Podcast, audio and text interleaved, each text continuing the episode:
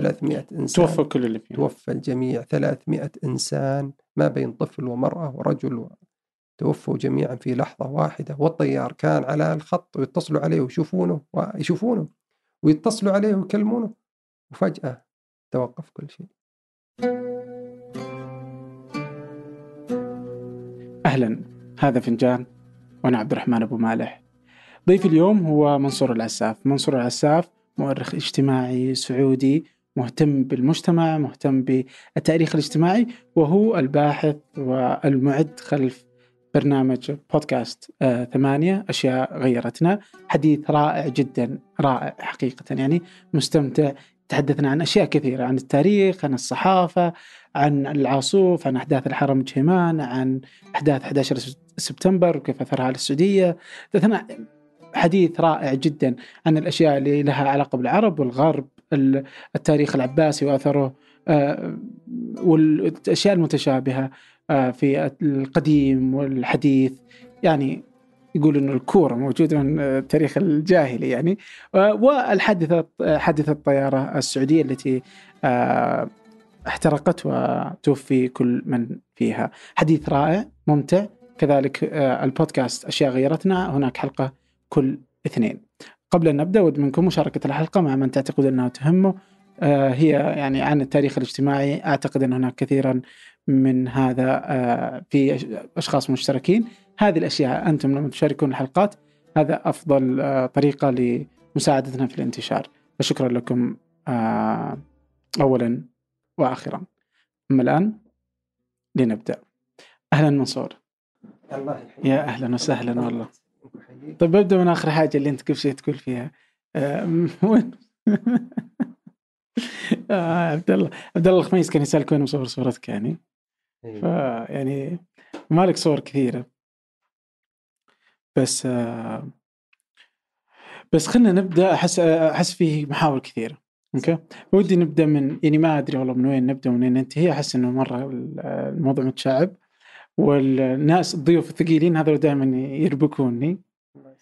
فإني ما أدري شلون تقدر تطلع أفضل وتخلي إيش تخلي إيش تبكي يعني. بس بس يعني اليوم مثلا إحنا عندنا أشياء غيرتنا بودكاست أشياء غيرتنا. هو البودكاست الجديد في ثمانية. و وعجيب يعني أنت ما بتص... يعني كذا يعني أتوقع إنه أول ما سوينا البودكاست فالبودكاست تقدمه أنت مع مازن العتيبي فأنت تقدم كل المعلومات التاريخية الاجتماعية. فهو عن تاريخ المجتمع السعودي الاجتماعي. بالضبط. بس يعني يوم بدأنا كنا نتوقع أنه كذا مخصص للسعوديين وعشان السعوديين وللمجتمع السعودي والتاريخ الاجتماعي السعودي. بس اللي كذا وأنا جالس أطلع إحصائيات يعني حتى قبل أمس كذا دخلت أبغى أشوف كنت أبغى أشوف يعني آه الحلقة الأخيرة اللي نزلناها كانت عن لبنان واللي جالس يصير في لبنان نعم. فقلت أبغى أشوف بودكاست فنجان في لبنان كيف عامل يعني وين ترتيبه في ابل بودكاست الآيتونز وكذا ما يظهرني لقيت عاشر كذا يعني ما ما بس اللي استغربت منه إن الثالث كان أشياء غيرتنا إيه. في لبنان يعني والأول في الإمارات والأول في البحرين يعني انتشاره خليجيا غير. يعني كذا ما ابدا ما هو متوقع وش اللي كان يصير يعني. أنا أتوقع يعني ما بس بغيت بالله بس تسحب المايك كذا أيوه. أنا أتوقع إنه يعني أنا كنت متوقع إنه يعني يكون للسعودية لكن لو آه، يعني كنت أدري إنه متابعين برضه يعني بيكونون في الخليج كان أعطيت مادة لا تخل في مثلا آه، سياق المواضيع أو محور المواضيع بالكامل ويكون برضه فيها امتداد. يعني مثلا في الخليج مثل لما تحدث عن دورات الخليج تاريخ دورات الخليج واثرها على المجتمع الرياضي والمجتمع الخليجي. العالم العربي آه، بحدث كثير عن مثلا عن المجتمع والمجتمع المصري والمجتمع الشامي والعلاقة، لكن خليني بقول لك إنه ربما إن السبب هذا إن اللي شاهدوا مثلا آه، أشياء غيرتنا أتوقع إنهم والله أعلم آه، هم من قضى سنوات هنا في طفولتهم بالمملكة، يعني كان لهم عقود أو أعمال هنا وقضى طفولتهم ويحنون لل وهذا أنا التقيت معهم كثير يعني آه، أو إن آبائهم كانوا هنا في المملكة ويعني يعني يحنوا للأيام اللي يحدثهم مثلا والدينهم عنها. تعرف بالذات في فترة الثمانينات والسبعينات يعني كانت المملكة يعني عقود المدرسين وعقود الأطباء وإلى آخره كان فيه نسب من إخواننا العرب في كل مكان. فلذلك ربما هم يح... لما كبروا في السن يحكوا لأبنائهم إن أيام شبابنا وأيام ذكرياتنا فهم برضو الآباء يحنون. فالابن من, من, من احسانه لوالده مثلا إنه يحن للي أو زي ما تقول يعني يبحث عن اللي يرضي والده. فربما يسجل ويفتح. أنا كنت أذكر في مكتب في جريدة الرياض ولا زالت مقالاتي. فلاحظ إنه الشباب الصغار هذولا والشابات يعني يرون إنه من البر بالوالدين إنك تعطيه مثلا تقرأ له مواضيع منصور العساف مثلا. أنا لاحظتها كثير يعني الردود كثير. حتى والله جتني من يعني من فضل الله جتني من يعني بعض العلماء يعني إنه يعني هم رايح المدرسة وأبوهم موصل يمكن حتى بعض الردود قالت. لكن هذا أنا كنت أقرأه من زمان يعني من أكثر من عشر سنوات مع قراء جريدة الرياض. فالحنين للماضي القريب هذا طبعا مدعاة لأن ل... ل... مثلا إن الأب يعني يتذكر الأيام هذه ويحرص إنه يسمع يسمعها ويشاهدها يعني ربما إنهم يعني من إخوان العرب أو ربما اللي بيعرفوا المجتمع السعودي ممكن يعني أتوقع إنه يعني هي مادة حتى الآن صرنا يعني كل الحلقات موجودة مفرغة نصا يعني في الموقع. فالناس تقدر تستمع وتقدر تاخذ معلومات أكثر برضو مفصلة يعني لأن تقدم فيها تاريخ جيد لشكل المجتمع ففي ناس حتى تقدر تبحث وتجد بعض المعرفة اللي تفتح لها أبواب إنه يقدر يبدأ يبحث بشكل أوسع يعني بس أنت قبل شوي تقول مثلا أنت كاتب من زمان يعني في الصحافة من زمان وقبل شوي وأنت جالس تتكلم عن إنه آه، كانت تجيك ردود الفعل وأنت كاتب في جريدة الرياض شلون كانت توصلكم ردود الفعل يعني؟ يعني الحين أنا أتصور الآن ننزل الحلقة تنزل بعدها بساعة أبدأ أخذ ردود الفعل. أقدر أقرأ انتقاداتهم أقدر إعجابهم إيش اللي تعني لهم الحلقة مثلا آخر حلقة مثلا في أشياء غيرتنا كذا اللي على طول. تقدر تقرأ ردود فعلهم يشاركونك الأوتوغرافز حقتهم زي كذا. نعم. أول شلون؟ شلون أول يعني؟ طبعا الصحافة يعني خليني بقول لك أنا دائما أقول من ظهور ستيف جوبز في الآيفون. هذه كانت فارقة في تاريخ الإعلام. أنا إعلامي وأعرف أني كانت وقتها قبلها كنت أترقب قبلها والله. قبل تقريبا بسنتين. كنت أترقب أن يتحول الجوال إلى فضاء مفتوح نت وكذا. أترقبها. وتصير أعمالك كلها مكتب كله في أعمالك حتى القراءة ومكتبتك والبحث في الجوال. وأنا كنت أقول في أشياء غيرتنا كنت أقول إن الجوال الآن لما يقضوا عليه ساعات ايا كانت يعني مو لازم صغير في السن الكبير في السن يقضي عليه ساعات. هي الساعات هذه اللي يقضيها هذا الشخص. هي الساعات اللي يقضيها آه، جيل الثمانينات وحتى السبعينات خليني بقول لك الثمانينات لأنه انتشر الفيديو يقضيها في الفيديو ساعات الفيديو. ياخذ مثلا ساعتين يشوف له فيلم ولا مباراة أو ثلاث ساعات. يقضيها في الفيديو يقضيها في برامج التلفزيون ويقضيها في الجريدة ويقضيها في البريد ويقضيها في الفاكس كتابة فاكس. إيه، كل يقضيها في الهاتف الاتصالات الهاتفية. كل هذه لما تأخذها في ساعات الساعات هذه كم يقضي فيها جيل الثمانينات؟ اجمعها جميعا ووضعها مثلا في آه، الجيل الحالي بعد الألفية. فبتكون نفس الساعات. هم يعيبوا مثلا على أبنائهم مثلا إنه والله آخذ. صحيح أنا من الناحية الصحية أنا معاك والتربوية إلى آخره وإن الفضاء مفتوح لكن أنا أقصد المدة الزمنية، المدة الزمنية ترى حتى جيل الثمانينات كان يقضي الساعات هذه بس بوسائله. في أشياء استجدت، لا شك إنه يعني طبعا المغري جدا إنك الفضاء قدامك مفتوح بالذات الباحثين والباحثين في بيلقوا. آه لا. نرجع لمحور سؤالك. إنه إن تقول إنه كيف كنت أعرف ردود الفعل؟ ردود الفعل بعد ما ظهر أو حتى قبل لا يظهر ستيف جونز. الصحف في ذلك الوقت إن يعني وضعت خدمة القراء الردود والقراء فكنا نشوف وفكانت كانت ال SMS يحط الرقم. يعني أنت أنت لما تضع مثلا ينزل موضوع إلكتروني طبعا في يتصفح الجريدة في النت كان فيه مفتوح الردود فكانوا يردون. بالعكس كان أنا أذكر إنه توصل ل 3500 رد يعني وكانت وكانت الجريدة تضع في الصفحة الأولى إنه يعني الموضوع الأكثر ردود الموضوع الأكثر قراءة الموضوع عرفت كيف؟ فكنا نحظى من فضل الله إنه إنه ان نشوف الردود على طول مباشرة فكانت الردود عالية. شوف التغير طبعا مع التقدم يعني سنوات بس أنا قبل قبل الإنترنت. قبلها قبل الانترنت تكتب قبل الإنترنت. أنا أكتب قبل الإنترنت. وقبل الجوال. هي قبل الجوال مع الجوال مع ظهور الجوال. مع ظهور الجوال. لكن إيه بس بس إنه يعني ذيك الفترة أحس إني حتى كنت طالب في الجامعة وكنت أكتب.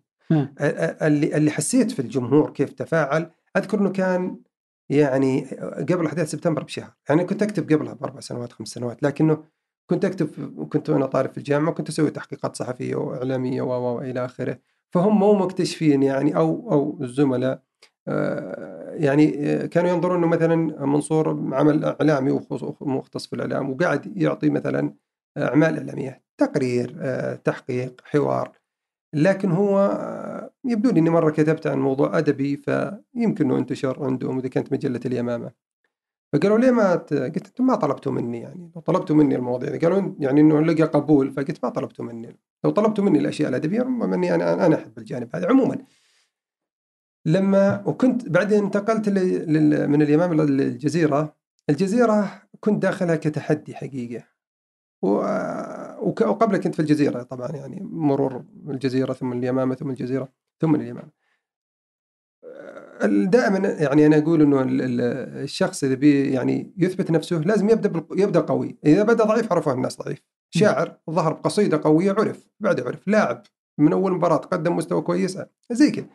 فأنا لابد أنا الآن يعني تخرجت من الجامعة. لابد أقدم شيء يكون للناس فيه فائدة وذا، والحقيقة إنه كنت كان كان حوار كانت عفوا تحقيق صحفي وكان مع منفذ أحكام الله السياف. لكن أنا ما أبي أقتصر على السياف الموضوع مو موضوع إثارة.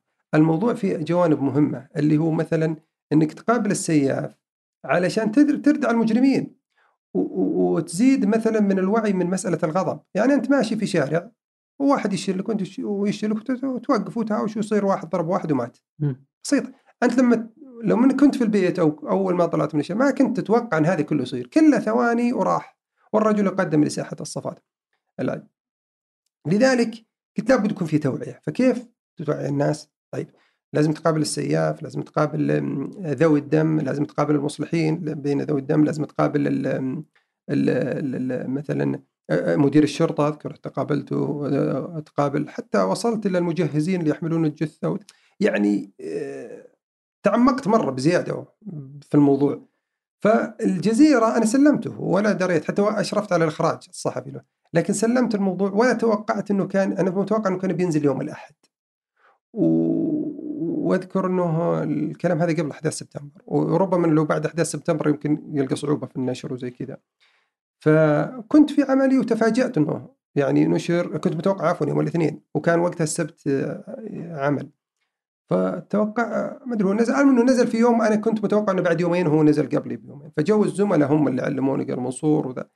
زميل لي كان عنده يعني متجر كذا سوبر ماركت وزي كذا فهو اتصل علي الصباح. ذيك الأيام الجوال طالع ده فقال الجريده خلصت عندي. أنا من هنا أنا يوم قلت لي أنت ردود الفعل كيف تعرفونها قبل؟ أنا بهذا المو... بهذا التحقيق يعني في أعمال كثير لكن بهذا التحقيق هي الوحيدة اللي أنا عرفت ردة يعني قبول الناس. العدد يعني تصور كانت وقتها الجرايد تطبع أكثر من 200 ألف 300 ألف عدد. فلما ينتهي في الرياض وأنت في الظهر توك فتعرف إنه فيه موضوع. فكانوا الناس يجون يقولوا الصفحة الأخيرة يعني فيها الصفحة الأخيرة بطن الغلاف فيها موضوع مهم فاخذوه بعدين كان فيه النت جاء أحد كنت أنا في المكتب جاني واحد وقال بكرة بجيب لك موضوعك. جابوا لي مطبوع كذا في النت وذا. أه هنا يعني أنا أتوقع إن هذا الموضوع الوحيد اللي أنا عرفت ردود الفعل الناس، الناس ذيك لما كان كان تو بادي الجوال كان البيجر موجود. مم. كان معي بيجر معي جوال. تونا ما ما يعني ما ما استغنينا عن البيجر. فكان هذا يتصل وهذا يتصل. ليه؟ عشان الموضوع هذا تشوفوا في يعني المجالس العامة الأصدقاء الزملاء هنا تشوف ردود الفعل. تشوفوا من طبعا الرسائل اللي ترد للجريدة بالبريد تشوفوا من القراء اللي يتصلون على الجريدة. كان في ناس في السعودية يرسلون بريد يتصلون بريد. وفي ناس موظفين يتصلون هذا طبعا في الثمانينات وبداية التسعينات لكن حتى إلى نهاية التسعينات. آه، لكن الاتصالات التليفون يتصلون على, يتصلون على مدير التحرير. يتصلوا على مدير التحرير يعني يا عندهم ملاحظة يا يشيدون يا مثلا يستدركون معلومة يضيفون لك حاجة. اي يعني بالذات الخط خط الهاتف هذا كان كان الناس يلقون رقم الهاتف إنهم يبحثون عنه مثلا في دليل الهاتف وزي كذا ويتصلون عليهم. ولا كانت الجزيرة الجر... الجرايد وقتها مثلا الجزيرة اللي هنا نشرت لك هي كانت تحط الرقم التليفون إنها تبغى الناس تتصل عليها. هو معروف جريدة الجزيرة يتصل عليها من كل أنحاء المملكة والرياض وعكاظ كل كل الجرايد يتصلوا الناس عار- عارفين أرقام الجرايد ما يحتاج أصلا ياخذ الجريدة ويلقى الرقم تحت الرقم تحت آه فيعني ما هو بإزعاج بالنسبة لا للجريدة لا, يعني لا لا لا بالعكس الجريدة تفرح. تستقبل برحابة صدر ليه؟ لأنه هذا جمهورها وتلبي وش تحتاجون زي إحنا تفاعلكم مثلا مع الردود قراءكم مم. زي كذا آه، فهم يتصلوا ويطلبوا المحرر إحنا لما طلع الجوال بعدين صرنا كمحررين نحمل الجوال فهم يستأذنوا يقولوا والله إحنا نبي محرر المحرر منصور مثلا. آه، فهم يقولون طيب نستأذن يتصلوا علي يستأذنوني. أنا أقول لهم دائما أعطوا أي واحد مثلا يعني مثلا بيستفسر عن ذا في- فيتصلون عليك الناس. هنا كنا نتلقى يعني والجيل اللي قبلي حقيقي هم اللي كانوا يتلقوا أنا يعني أدركت يعني النت وما النت فكنت أشوف ردود الفعل مع ال مع ال- مع الإنترنت. أنت قلت قبل شوي قلت إنه لو يعني لو قبل 11 سبتمبر كان بينشر بس بعد 11 سبتمبر ما راح ينشر وش اللي تغير في الصحافة في التاريخ هذا؟ ربما حساسية الموضوع يعني تعرف يعني في جهات كثيرة تتربص على المملكة في أي. شيء يعني. والعالم العربي عموما يعني هو يتربصوا عليه في أي شيء ف يعني أنت ما تبي الآن وقت إثارة يعني هو الموضوع فيه إثارة ما أخفيك هو صحيح فيه في الصالح العام وذا لكن في إثارة آه، فهم يمكن ربما يعني أزعم أنا كذا إنهم ربما إنه ينظروا إنه ي- بيثير مثلا منظمات حقوقية و آه. إلى آخره وحنا في غنى الآن يعني ما إحنا في توقعت كذا أنا آه. لكن بالع... يعني آه، شاهدت إنه بالعكس يعني بعد فترة أنا حتى يعني مواضيع فما كان ما شاء الله يعني كانوا نزلوا مواضيع كاملة أوكي. توقعت إنه في شكل ال... يعني إنه 11 سبتمبر أثر على السعودية هو أثر بلا, بلا شك. بس قلت إنه أثر بشكل واضح على الصحافة يعني سواء في ذا الموضوع ولا في غيره يعني التأثير أثر لا شك لكن إذا إذا قرأنا تاريخ جيدا اللي أثر فعلا واضح بس يمكن ما انتبهوا له بعض المحللين حتى للأسف بعض الدارسين لرسالات الدكتور المجدي التأثير صار بعد تفجير الحمراء وثلاث تفجيرات صارت في مطلع عام 24 نهاية يبدو لي 2003 التفجيرات هذه هي اللي أثرت. لأن في أحداث سبتمبر في أمريكا وتعرف الدولة تت يعني يعني هي تتصرف في الموضوع وكانت يعني الدولة حكيمة وعارفة شغلها يعني ما هنا في الداخل لا فتح يعني مجال لل- اللغط وال كل تيار يهاجم تيار وهكذا. ولذلك في خلط بالتاريخ يعني عندنا تاريخ المجتمع تاريخ الح- الحراك كله. في حاجتين في حاجة مسألة بداية الصحوة فيها خطأ خلط وبداية يعني مثل ما تفضلت هنا إنه أحداث سبتمبر هي غيرت هي غيرت لا شك لكن التغيير بالذات في في- الصحافة يعني كان في ألف يبدو لي في 2003. الهجري في هجري 2003 هجري 24 يبدو لي في مطلع 24 هذه كانت هي وقت التغيير. أحداث ال- التفجيرات الحمراء. مهم. من بعدها. من بعدها بدليل بدي خل أعطيك دليل واقع أنا أحب أدلل دائما الواقع. ال- ال- مثلا مسلسل طاش ما طاش. ما كان عنده مثلا خلي أقول لك جرأة مثلا على بعض الأمور. يفتح بعض الملفات ما كان عنده جرأة ابدا طول من هو بدأ من عام 94 إلى 2004 و2005 ما كان يعني 10 سنوات ما كان. لما بعد أحداث آه، الحمراء هي التفجيرات الحمراء لا.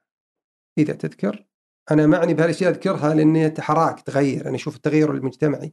آه، حدثت آه، حلقة وتعليمه مم.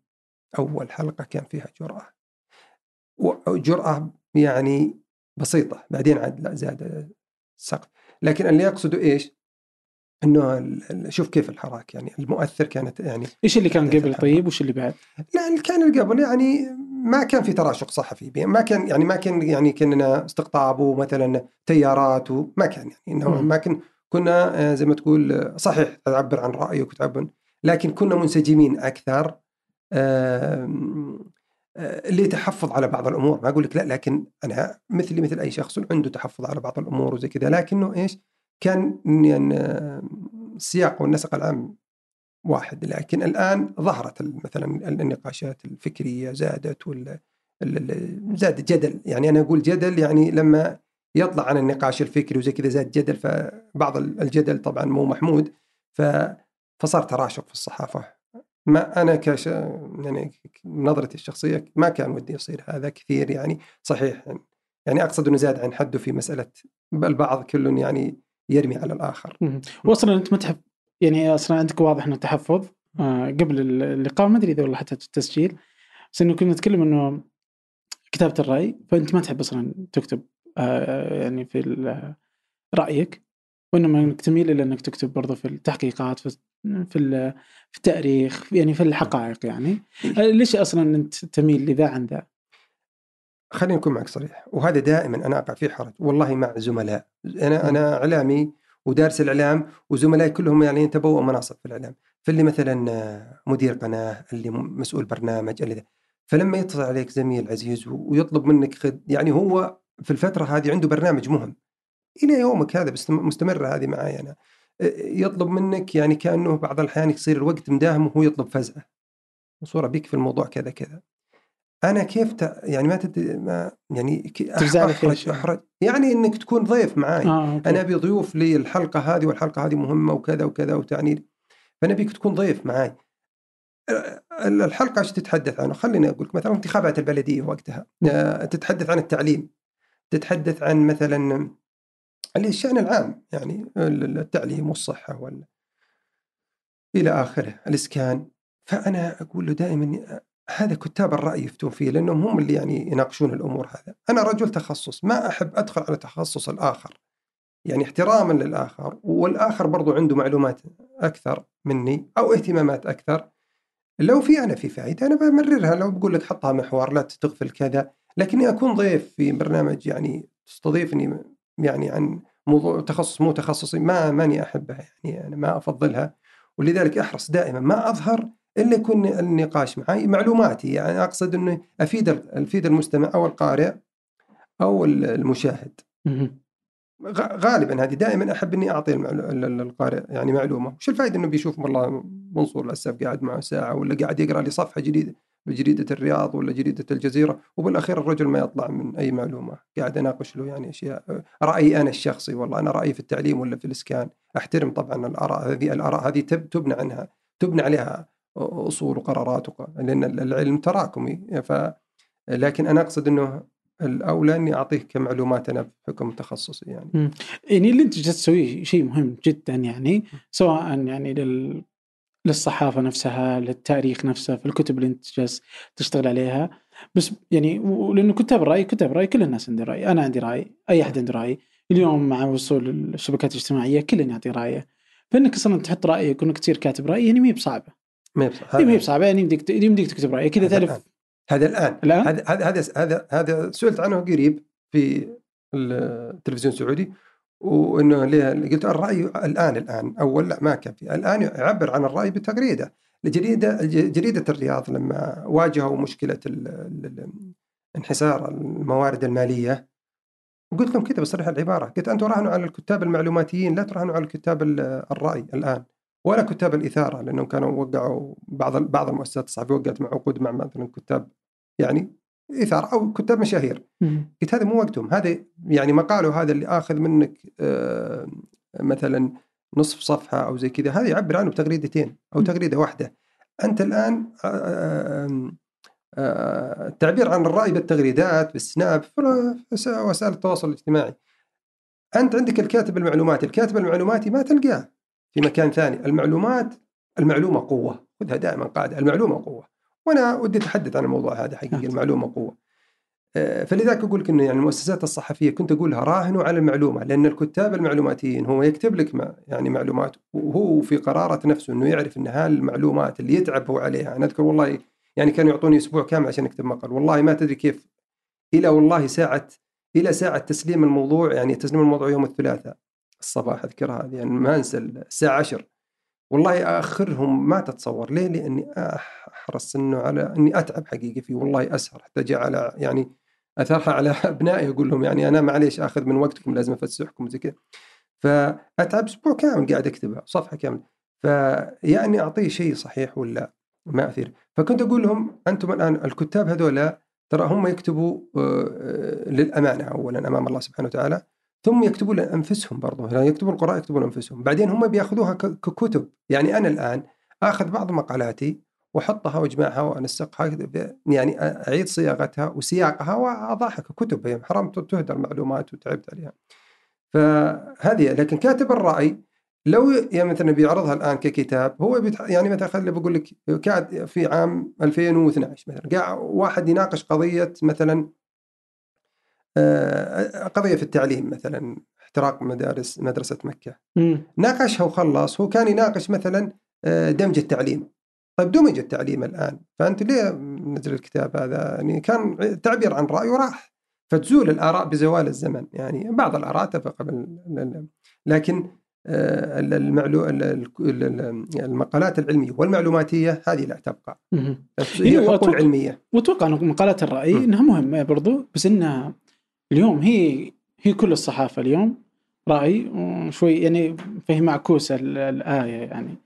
بس يعني فاهم لأنه الرأي ودي أنا أسمع آراء الناس آراء ناس خبراء أنا اراء ناس مثقفة يعني من هذه إيه، بس المج... بس عن طريق تسمع رأيهم الآن أنت تشوفهم آه، حسابهم الشخصي حسابهم. حسابه. الشخصي لذلك الصحيح أنا وقت أنا يوم أقول الكلام هذا في وقت بداية انحسار الصحافة الورقية فقلت هو التحدي لكم أنكم يعني يكونوا الم- ال- يعني ال ال ال الأخبار تظل يعني لكن ال- ال- التحليل التحليل السياسي آه الكتاب الآراء اللي يعطونك آراء يعني محكمة ومدروسة هذول تروح تش- تشتري الصحيفة أو تفتح على الصحيفة عشان تقرأ الكاتب الفلاني كتاباته عميقة وتحليل مم. آه الكتاب المعلوماتيين وانت الأسماء حاضرة نرجع الموضوع إنه يوم أقول لك إني ودي آخذ فيها بس بعض الوقت لي. قوة. إيه، من المعلومة قوة سئلت من شباب يعني صغار في السن يعني آه، دائما يوم أقول آه، وش وش تح- تحب نقرأ؟ أنا أقول لهم دائما يعني شوف خلينا نقراها نفسيا شوي. ال- الإنسان دائما بجبلته راغب في الظهور. قليل الناس اللي ما ترغب في الظهور يعني تلقى شاب بالذات المراهقين الشباب المراهقين شباب أو شابات راغب في الظهور إنه يظهر في حاجة يتميز يحب التميز في أي حاجة. حتى كبار السن يعني حتى ال- ال- ال- ال- ال- المتعلمين. حتى الأساتذة اللي بلغوا من درجات العلم وحتى مثلا ال- الوجهاء في ال- الأعيان في القبيلة في البلد في المجتمع دائما تحب إنه له مكانته. ويعني مصطلح جديد شعبي يسمى الهياط عند كثير. والهياط ترى كلمة عربية فصيحة قحه ما فيها كلام لكنه يعني مجتمع دارج الآن. فخلي هالهياط هذا خليه محمود معلش كيف تكون؟ والله من تجربة شخصية. أنا الآن رجل يعني في, الأربعينات من تجربة شخصية. وأنا ما أقول لك الكلام هذا وأقول للمستمعين والمشاهدين الكلام هذا إلا والله نصيحة. إنه بتتميز تميز عدل شيء محمود. صحيح أنت لا تأخذ الموضوع هذا إنه إنك تتميز آه، يعني تطلب العلم أو تقرأ أو تكثف قراءاتك على أساس إيش؟ إنك والله تصير مشهور، لا هذا مو هذا الهدف. لكن معليش أنا بجي بطلب منك إنك تقرأ عشان تصير مشهور علشان بكرة تعرف ثمن القراءة وتعرف إنك أنت قريت عشان بلو صحيح إنك بالخطأ إنك عشان تصير مشهور لكنك يعني صدقني جنيت ثمر إيش؟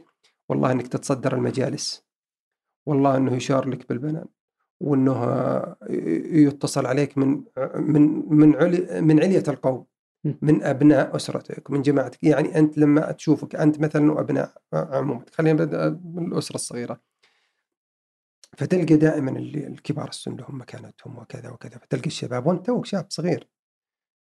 يعني على أقرانك يعني حدك مثلا معروف والترتيب الاجتماعي لك لكن إذا صرت متعلم والله كبار السن إنهم يقدمونك حتى في المجلس وإنهم يأخذون رأيك وإنهم يتصلوا عليك وإن نظرتهم لك واحترامهم وتقديرهم وحديثهم معك يختلف. فلذلك يعني اقرأ اقرأ. وكل ما زدت قراءة يعني أنا أشوف من بعض الأخوان إنه لا مثلا لا قرأ زاد آه، فوقية على المجتمع. وتوقع إنه والله بلغ انه قارئ وزاد فوقية على جماعته وزملائه وأسرته والوسط اللي عايش فيه وسط الزملاء في العمل. زاد فوقية لا. إذا إذا إذا القراءة ما زادتك تواضع لا تقرأ. كل ما قرأت عرفت جهلك يعني كل ما قرأت عرفت. فأنا أنصح يعني إنه القراءة يوم أقول لك إن المعلومة قوة والله تحصنك في أشياء كثيرة وفي ميادين كثيرة المعلومة. يعني حتى أنت بعض الأحيان تراجع في معاملة. لك أنت ولك الحق فيها وتتخلص تشوف كسل مع... يعني كسل موظف. إنه مثلا هو قادر يخلصها الحين لكن ما بينك وبينه أي رابط لا أسري ولا ولا ما تقدر تدخل له ما, ما تدخل العلم هو اللي بده يبي يذلل لك صعاب هالرجل هذا. صدقني في أي مجال. فلذلك أنا أقول يعني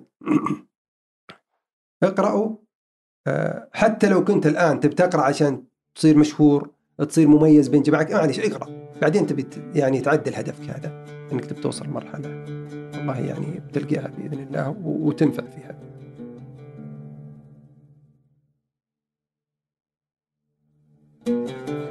ممتاز. على القراءة كان في ناس يسألون يعني أنا نزلت تغريدة آه، في حسابي في تويتر عن أنه أنت تكون ضيف فكان في واحدة من الأسئلة وش الكتب اللي أقرأها إذا أنا كنت مهتم بالتاريخ الاجتماعي؟ إيه إيه فعلا أنا قريت هذه. التاريخ الاجتماعي يعني مثلا في وقت الحاضر مثلا بيدرس التاريخ الاجتماعي السعودي. الصحف اليومية يرجع لها. صحف الثمانينات السبعينات. يقراها يطلع ياخذها يعني يعرف إنه في الفترة هذه والله ظهرت الظاهرة الفلانية. آه ظهرت اللي كان أبوي يحدثنا عنها الفترة آه ظهرت فيه. آه خلنا ما أضرب لك أمثلة عشان القارئ يكون أشار لستون البنطلون هذا بنطال. آه، وظهر في السبعينات أوه طيب لبسوا كفريفلين وذيك الأيام لا والله هذه طيب طلعت آه، موضة عند البنات. أثر هذا وقتها يوم يقولون كذا. فهو يصير عارف أين يقف. يعني عارف المراحل. إذا وزع مثلا عقود مثلا المجتمع خلينا نقول المجتمع السعودي وزعها على سبع عقود مثلا عارف المرحلة اللي عاشها والده في شبابه وربما في طفولته. وعاش مثلا حتى في شيخوخته وهو هو بداياته حتى يخاطب منهم أكبر منه ب ب ب يعني بمجتمعهم. الصحف بتفيدهم شيء كثير حقيقة مرة. كذلك طبعا مجالسة كبار السن آه، واستذكار معهم آه، كذلك آه، مجالسة حتى لو من يكبرك عشر سنوات يعني أو خمس سنوات خذ منه لأنه هو يذكر شيء ما تذكره. خذ منهم. المجلات ليه أنا قلت لك فرقت لك بين المجلات ولا؟ أن المجلات فيها صورة ملونة وفيها دائما الروبرتاجات والتحقيقات الصحفية وذا. أغلب لأن الصحف دائما تهتم في الأخبار وما الأخبار. أنت تعرف الأخبار؟ لكن آه الخبر هذا والله وقع. أنا اسمع به كثير لكن ما توقعت إنه في السنة الفلانية. طيب المجلات تتوسع فيها أكثر دائما. فهي إحنا عندنا كنز كبير. يعني أنا أقول أنا أنا اسبر أغوار العصر العباسي والأموي والعصور ما ألقى يلا بالنادر بالمعلومات عن المجتمع. يعني القى بكتابات الجاحظ وابن قتيبه وابن المرزبان. لكن تصورا في صحافة يومية في العصر العباسي مثلا. بصير أنا عرفت يعني كيف كانوا عايشين أكثر. أيوه أكيد. صح أيوه صفحة الحوادث وصفحة أعرف.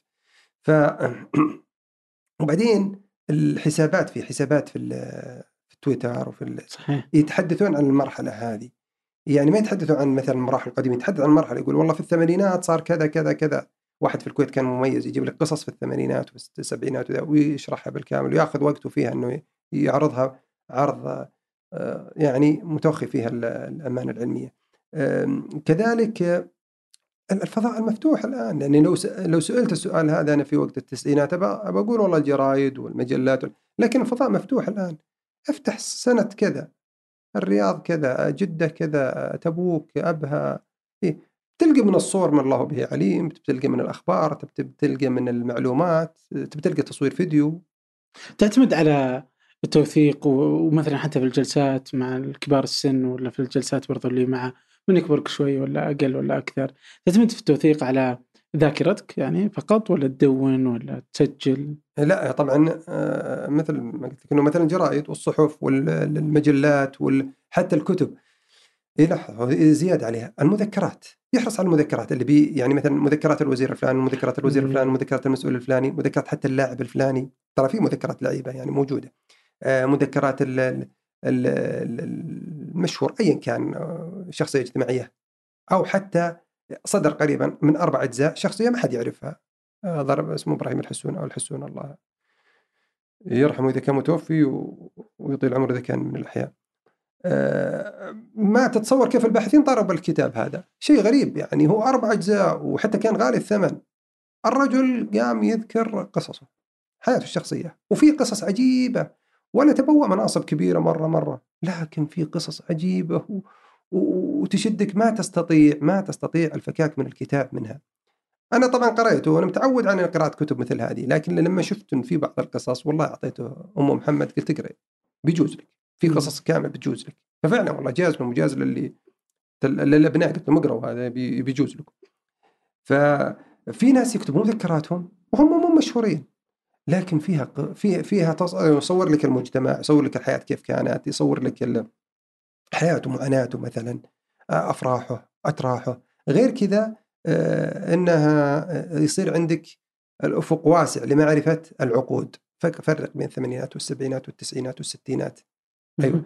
آه، غير الصحافة زي ما قلت لك إن الفضاء واسع مفتوح لك الآن تفتح في كل حاجة أقرأ في. كل شيء. وفي آه، دارة الملك عبد العزيز أتذكر كذا. إن شاء الله إنها الدارة أتوقع ان موقع دارة الملك عبد العزيز حاطين آه، أرشفوا صحيفة ام القرى اي من خلوها قابلة للبحث إنك تقدر تبحث في كل المحتوى الظاهر من عام 1900 نعم. ومدري متى يعني هي تعتبر الصحيفة الرسمية صح؟ وهي صحيفة إيه. من القرى أول صحيفة سعودية فهو صحيفة سعودية وموجودة الظاهر من آه، أول إصدار صح. موجود آه، نسخ منها كذا وتقدر تبحث ويطلع لك الموضوع يعني لو تكتب مثلا جيمان يجيب لك الأخبار في ذاك الوقت لو نعم. كذا تكتب مفاتيح وهو يطلع لك يعني. أم القرى إن شاء الله نلقى الرابط وحطه إيه. في وصف الحلقة بإذن الله أم القرى يعني صحيفة أول صحيفة سعودية فلذلك وقبل القبلة العصر آه، الهاشمي وقبلها آه، الصحافة في العصر التركي. فهذه كلها إحنا شوف الان جدل صاير بين الآن الوحدة والاتحاد. صراع. إحنا تأسسنا قبل وإحنا تأسسنا قبل. هي بس وثيقة واحدة تظهر من أحد الطرف المعسكرين خليني أقول لك. خلاص تلغي الآخر. بس وثيقة. عموما أنا عندي بحث عن الموضوع هذا لكني ما ماني مستعجل على طرحه لكن عموما بحث في أي موضوع؟ في في تاريخ الكورة. آه يعني أوكي. الآن في في في الآن عندي قصيدة مثلا قبل 200 سنة تصور قبل 200 سنة شاعر يبدو إنه من شاعر من وسط الجزيرة العربية متحدث عن الكرة. شاعر. يعني تصور 200 سنة, سنة؟ إذا كذا نعم.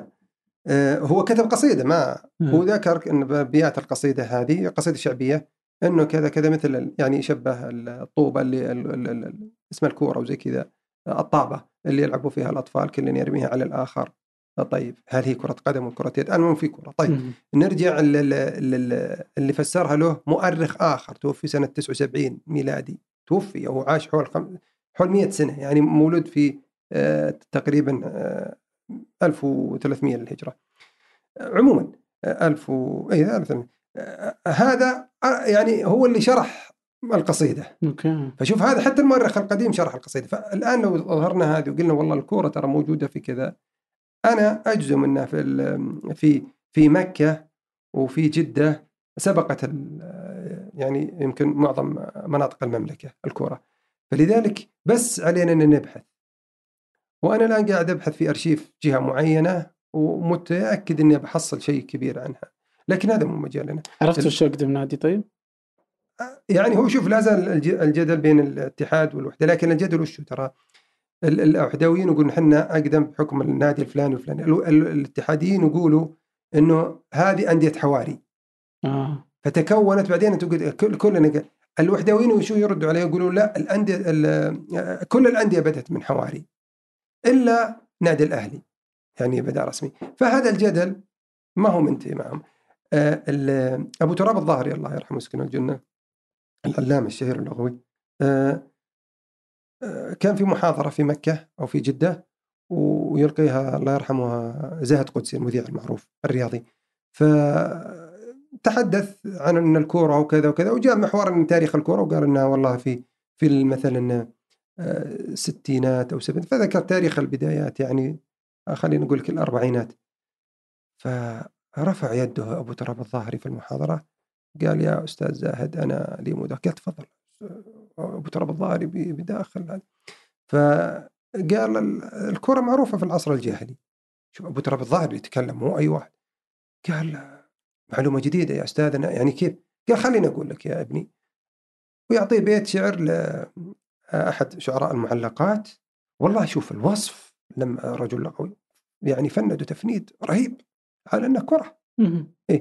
فهذه طبعا من ضمن المقالة اللي أنا قاعد أبحث وأنا صرحت لك الآن بأشياء من ضمن المقاله اللغط اللي صاير إن الاتحاديين يقولوا يعني الآن مثلا على مثلا إن الأمير سلطان الله يرحمه آه، كان في نادي الاتحاد وقال إن الملك عبد العزيز يعني دخل جدة ونادي الاتحاد موجود، الملك عبد العزيز دخل جدة في سنة 44 ونادي الاتحاد رسميا في آه، أوراق نادي الاتحاد يعني آه، مؤسس ب 47 فهنا في في في في لبس. أنا أتوقع أن الأمير سلطان الله يرحمه يقصد طبعا الاتحاد ما تشكل كمسمى وذا يمكن في 47 لكن على الاتحاديين إذا كانوا يعني متأكدين من المعلومة هذه إنه الآن يصح حتى حتى تأسيس فريقهم مو 47 هجري ما يوافق تقريبا يعني 28 1928 ميلادي. يفتر... الآن لهم سبق المفروض إنهم يقدموها قبل. الاتحاديين يفرحوا فيها والاتحاد والوحداويين برضو يبحثوا فيها. هذا هذا يعني النقاش اللي حول التواريخ وكيف تفيدك يعني. فعلا أم القرى بتفيدك بأشياء كثيرة بتحصل فيها معلومات تتوقع أنت إننا والله ما عرفناها إلا من عشر سنوات وتلقاها والله قبل 80 سنة تلقاها خبر موجود. يعني أنا في العصر العباسي مرة أقرأ أحدهم كاتب والتاجر يعرض بضائع والملابس أو زي كذا تجد البطاقة فيها. يعني وش يقصد هو؟ لما تدخل الآن أي متجر يعني ملابس كبير مشهور ماركات وش تلقى؟ بتلقى التسعيرة صح؟ بطاقه التسعيرة معلقة في مثلا خلينا بقول لك المعطف هذا ولا؟ نفس الشيء في العصر العباسي. تصور أوف. هذا موجود تصور. يعني سبق هذه هو هو أصلا ذاكرها عابرة عشان يمثل لك لكن أنا ظهرت بمعلومة انه كانوا يضعون العصر العباسي. الأسعار يضعون الأسعار في العصر العباسي العباسي الثاني اللي هو دول الدول المتعدده يعني.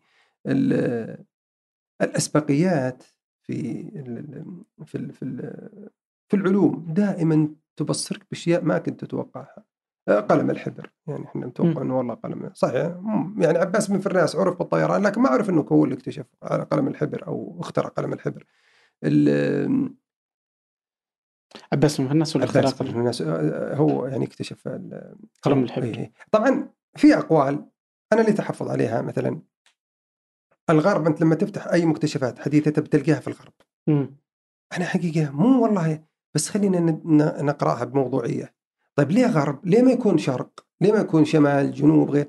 ليه ما يكون هذا المكتشف هندي؟ ليه ما نشوف؟ قليل ما نشوف والله كلهم غرب غرب غرب ليه ما يكون هندي؟ ليه ما يكون روسي؟ ليه ما يكون ياباني كوري صيني عربي تركي إيراني ليه ما يكون في الأغلبية تلقاهم غرب في تعرف أنت لما الدول الغربية آه، احتلت معظم العالم اللي احتلت دولة لا تغيب عنها الشمس بريطانيا.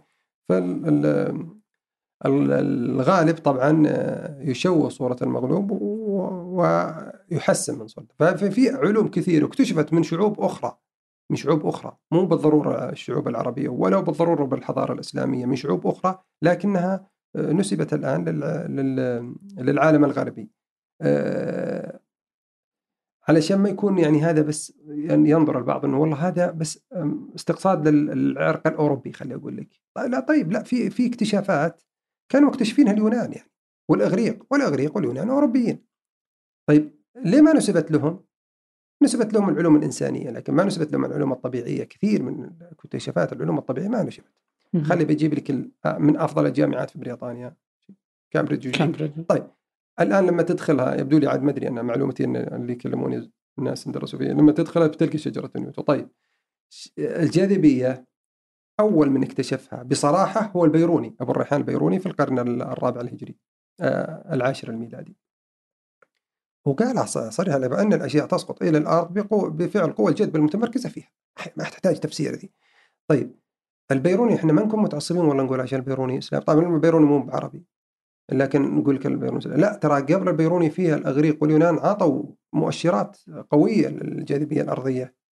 من قال مثلا إن إن من اكتشف الجاذبية؟ هو إسحاق نيوتن له اكتشافات. القوانين الثلاث واحد منها ما هو له لكن اثنين يبدو له. لكن له اكتشافات وعالم ما في كلام لكن أنا اللي اقصد إنه في مكتشفات ما هي للشخص هذا وخذ كثير. أنا كتبت فيها هذه أذكر في الجامعة كنت أكتبها في في رسالة الجامعة جامعة الملك سعود. كنت أكتب مقالاتي عن الموضوع هذا إحقاقا للحق الذي ضاع سلسلة أو زي كذا. ف موجودة على الإنترنت والله لا ما نت وين ذيك الأيام. لا يعني هل احتفظت فيها لكن للأسف ما احتفظت فيها لكن أتوقع إني أذكر التاريخ لو برجع للرسالة بلقاها حتى يبدو إنه كان من أول المقالات اللي بديت أكتب فيها. إيه. آه ف آه، حتى قصة الشجرة والتفاحة طاحت ونيوتن يقرا ما هي صحيحة أسطورة. يعني حتى نيوتن لما إنه آه، يعني يعني وضع النظرية ما هو صحيح انه إنه التفاحة سقطت. القصة هذه أسطورية خيالية. وخذ خذ شيء كثير كثير مرة لابد يصحح حقيقة. كثير يعني أنا والله يعني أضيع برنامجك هذا كله في إني أذكر لك أشياء وقد تستغرب منها. يعني أنا بس والله ضربتك الجاذبية لأنه لأنه مشهورة. لكن لو ما أذكر لك أشياء كثيرة تستغرب تستغرب. زي شادي خلينا نشوف والله ما استحضرها أنا عموما كاتبها في موضوع حتى نسيته لكن لكن موضوع عن ال عن ال الحضارات أو زي كذا في جريدة الرياض. كان صفحة كاملة يبدو إنه 2000 و 2002 أو 2003 في جريدة الرياض. فلعلي أو أزودك في الرابط كان في جزء كبير. وبعدين عندي كتابي بينزل عن الموضوع هذا لكن في كتاب عن الطب. أذكر لك مثلا في مجال الطب. في مجال الطب العلوم النفسية وربطها بال يعني الأمراض النفسية وربطها بالأمراض العضوية. يعني كان الرازي طبعا معروف مقوله الرازي عالج مريضك يعني هو قصده إنك عالج مريضك نفسيا نفسانيا كذا قبل وهيئ له أسباب الشفاء ويعني أرفع من معنوياته. فإن آه، داء النفس يعني مؤثر على داء على العضو. هي واضحة عباراته واضحة في علاج النفس آه، أبو بكر الرازي. ابن سينا يعني هذه قصة إنه يقول لك أنا أنا من الناس اللي دائما أحب إني أقرأ القصة ما أصدقها لابد ما حصل. لكن عموما يعني هو كله قراءات وفي علم النفس كثير. آه، بس بس يبدو لي إن الرازي أقوى قراءات في علم النفس. آه، ابن سينا له قراءات يقول لك إنه كان مثلا يعالج واحد وشاب ما في شيء ما لقاه في أي يعني مرض. فلما هو عرف إنه يعني عاشق يحب واحدة أو زي كذا فكان يقيس النبض فأخذ من أهله يعني محبوبته وش اسمها فلما ذكر اسمها كذا عرضا حس بان النبض النبض زاد. فقال لاهله يعني ابنكم يعني ليس بمريض ولكن زوجوه من فلانة يعني ما يحتاج هو عاشق.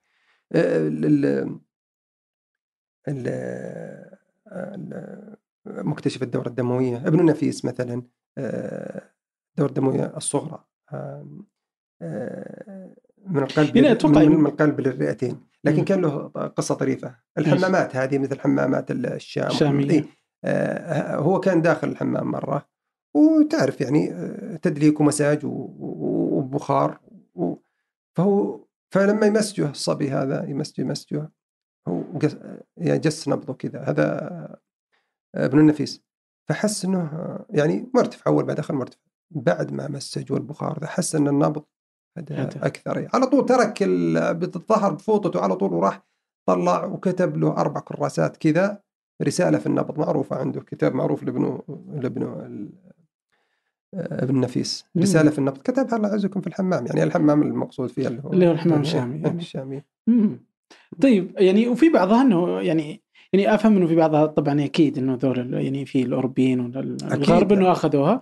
في بعضها إنها كانت اكتشافات ما هي بعلميه وإنما إنها ممكن ملاحظات من العلماء العرب والمسلمين بس إنها أصبحت طوروها. وأصبحت معادلات رياضية. طوروها. آه يعني أول مرة تصبح كذا معادلة يمكن كان هم طوروها هم إحنا إحنا إحنا العرب أو غير العرب اللي قبل يعني أنا أقصد. مش مشكلتهم. مشكلتهم ما مارسوا الجانب التطبيقي. الأوروبيين مارسوا الجانب التطبيقي. متى مارسوا الجانب التطبيقي؟ لما انفصلت عن لما انفصلت ال ال خلينا نقول كالدولة والمؤسسات العلمية عن الكنيسة. كانت الكنيسة تعارض العلم.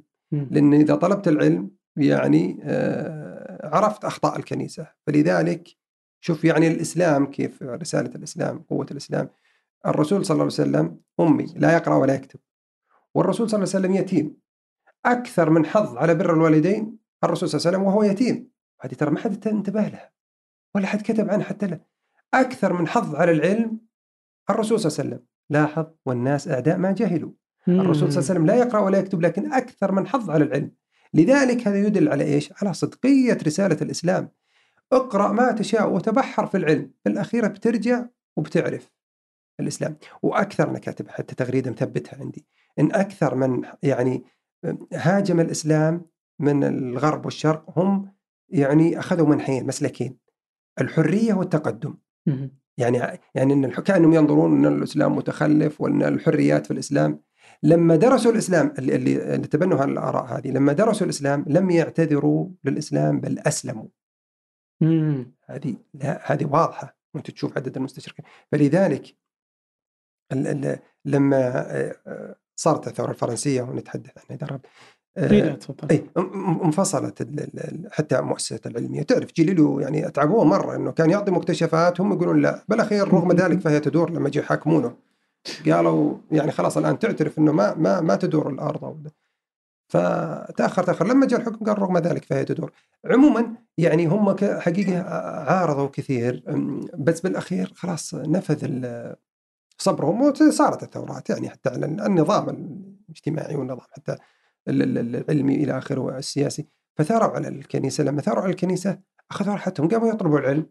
أخذوا الجانب النظري الموجود طبقوه. مم. هم تميزوا في التطبيق.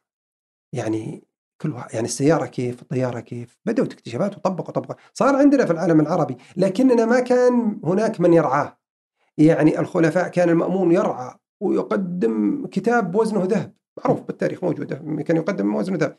لكن في حكام ثانية اهتموا في الجانب مثلا السياسي واهتموا في الجانب مثلا العسكري وغيره. إيه إلى آخره. على حساب لو طوروا يعني أو أو, أو هيئوا للعلماء الموجودين في عصرهم آه، سبل أو أو أو ذللوا لهم الصعاب في التطبيق. تحتاج أنت معامل تحتاج بس معامل بس. كان سبقنا. الأوروبيين لا اشتغلوا على الجانب هذا وتطوروا. وحقيقة لذلك هم هم يعني دائما أنا لما في كتاب الطيارة لما جيت أكتب فكان عسر القراءة. يعني وقفت عند المصطلح هذا كثير. عسر القراءة. يقول لك إن الكابتن إن المساعد حق الكابتن هذا أمريكي وكان يعاني من عسر القراءة. وأخذوه يعني وكان سبب ان الطيارة يعني احترقت وذا كان هذا الرجل كان عنده عسر في القراءة. راح تبحث عن عسر القراءة. الدكسلكسيا هذا معروف.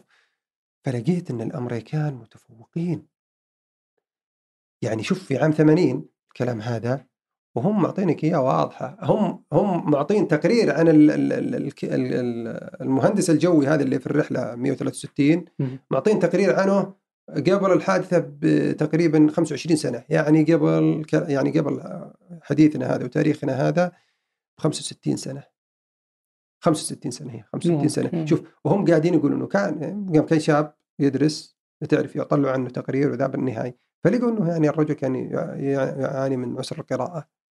وكانوا متبحرين في العلوم هذه. هذه يندرج تحت العلوم التربوية مثلا إنه والله كان عسر القراءه الآن حتى خليني باخذها منحى ثاني. إحنا يوم إننا صغار تشوف بالفصل في ناس والله قراءتهم سريعة ثاني وثالث ورابع ذا والأستاذ يضرب هذا يا أخي هذا عنده عسر قراءة هذا شيء يعني مرض آه زي ما خلق هو نفسي بس هو برضه عضوي ترى في المخ يعني.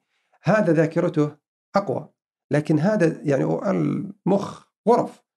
هذا غرفة المخ عنده في الاستيعاب سريعة ذكي يعني يسمونه دافور هو. مم. طيب هذا ذكي عنده است- استيعاب ويفهم معادلات متراجحات لوغاريتم ما عنده جذر تكعيبي ما عنده مشكلة. لكنه ما يقدر يحفظ قصيدة أو بيتين شعر. الأخ اللي جنبه كان يحفظ لك معلقات لكن ما يستوعب كثير. هي غرف بالمخ وهذه أشياء عضوية وفوارق مثل ما فوارق ال- ال- اللسان مثل فوارق البشرة مثل فوارق فوارق الجسم فاذكر انه كان المدرسين يعسروا يشددوا على الطلاب طالب في رابع ابتدائي ما تعرف تقرأ طيب آه، هو ما يعرف يقرأ لكن عنده الجانب هذا أفضل من ال- زميله الآخر. فأنا اللي لاحظته في إن كانوا الأمريكان متقدمين شوف متقدمين في العلم هذا. يعني آه، وحقيقة لذلك أقول لك شوف شوف شوف إن العلم قوة. اللي طلعهم هم كذا ويعني تسيدوا العالم سياسيا واقتصاديا وعسكريا إلى العلم. ما تسيدوا في حاجة ثانية تسيدوا في العلم يقول لك القوه العسكرية، القوه العسكرية إيش جابها؟ جابها العلم علم مم. نعم. يعني إيه، يعني حتى اليوم مثلا واحدة من أكبر الاستثمارات أكبر الداعم لكل أو مو بلكل أغلب ال- الاختراعات أو الاكتشافات أو الأبحاث أصلا في أمريكا أكبر صندوق داعم له هو صندوق آه، وزارة الدفاع الأمريكية. نعم. فهي يعني داعمة للأبحاث هي يعني كذا. إذا تلقى بحث أول أول شيء يفكر فيه الباحث إنه يقدم على وزارة الدفاع إنها تعطيه الدعم. صح. علشان إيش يسوي هذه؟ في الأخير عسكريا يعني وزارة الدفاع ما وناسا إيه، نفس الشيء. وناسا ناسا يعني آه، تعرف يعني تخسر بال يعني لما يطلع تشالنجر عام 86 لما سقط احترق سقط يعني تفجر. عند رغيف الجو خسائر مهولة. لكنه خسارة ثم خسارة إلا الخسارة تقود أو الرسوب يقودك إلى النجاح يعني فقادهم إلى القمر يعني. نعم. آه طيب على ذي هذه نقطة حلوة. يعني مثلا أنا حقيقه اني يعني أول مرة التقيتك كان آه، أخذت كتاب الرحلة 163 في معرض الكتاب. أدري مم. كم كان؟ قبل كم سنة؟ إيه. 2007 2017 يبدو لي أو 2016 هذاك. إيه آه، أتوقع يمكن إيه في ذيك ذيك الفترة يعني. ف فهذاك الكتاب برضو يعني كذا كان بحث دقيق يعني أول مرة أقرأ كذا. أول مرة أعرف عن القصة من الكتاب. يعني ما ما كنت أدري عنها نهائيا. وواضح كذا تفصيل يعني يعني يعني هو ممل بس انه يعني آه يعني ممل. ممل من الناحية إنه قصدي إنه إنه واضح إنه في تفصيل دقيق. آه فكان كذا شكل المطار وين كان الناس يسوون وش كانت طريقة المدري شلون والطيارتين الموجودة والناس ومدير المطار. تفصيلات مهمة جدا. لأن طلعت بهذاك الكتاب اللي أنا أتوقع إنه هذيك يعني في في هذه الرحلة اللي انحرقت الطائرة في مطار الملك خالد في الرياض يعني أتوقع يعني ما- يعني ما قد سمعت أحد يتكلم فيها. واتوقع إذا صار الناس يتكلمون فيها لأنهم يتكلمون لأنه قروا كتابك. يعني ماني. عارف ليش أصلا ما قروا. فممكن نتكلم عن الرحله والكتاب كذا أنا مو ممكن ودي نتكلم فيها. بس إني اللي اللي قادني لهذا السؤال هو إنه اليوم لو منصور فرغ كذا من يعني كذا من كل شيء وأعطي إنه آه نبغاك تبحث يعني في في مسألة كذا. وش الأشياء لو فرغت أنت قدرت إنك في مع عملك مع كل مشاغلك إنك تطلع لنا بكتاب الرحله 163 آم، اللي أنا اشوفه كذا يعني ورا السعوديين آه، لحظة من حياة آه، الطيران في المملكة يعني كلها. فلو هذا إيش في شيء أجمل تحس سؤال أجمل سؤال أسأل فيه يعني لاني كنت دائما أقول يعني دائما الباحث بحاجة إنك حقيقه إنك تفرغه صراحة يعني أو على الأقل تهيئ له المناخ. آه ال- ال- الرحلة 163 بدأت فيه من عام آه 2010 تقريبا. أيوه وانتهيت منه يبدو لي 2017 سبع سنوات. أنا الآن لا زلت. الطبعه الثانية الأولى خلصت والثانية خلصت والثالثة بالطريق الآن رب معرض الكتاب القادم بإذن الله. فأضفت عليه إضافات جديدة. الطبعة الأولى أنا ما يعني ما أنصح أن أحد يطلع عليها لأن صار في من يعني آه، أخطاء مطبعية آه، رهيبة حقيقة. أنا تأسى ولما أشوفه عند أحد أحرج حقيقة. كأنه يقول منصور طلع يعني مع إنه يعني الحمد لله جاي لشهادة لأن الناس فهمت فاهم إن الأخطاء المطبعية وفاهمة. فظهر في صورة ما. ولا كنا الحمد لله طابعين منه كثير.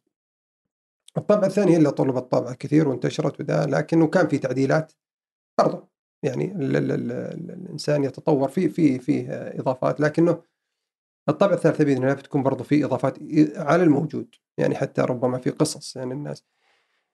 الكتاب في جزئيته الأولى في تفاصيل دقيقة دقيقة. أنا المقصدي فيها إن الإنسان يعيش الواقع يعيش يعني كان يشوف فيلم وثائقي.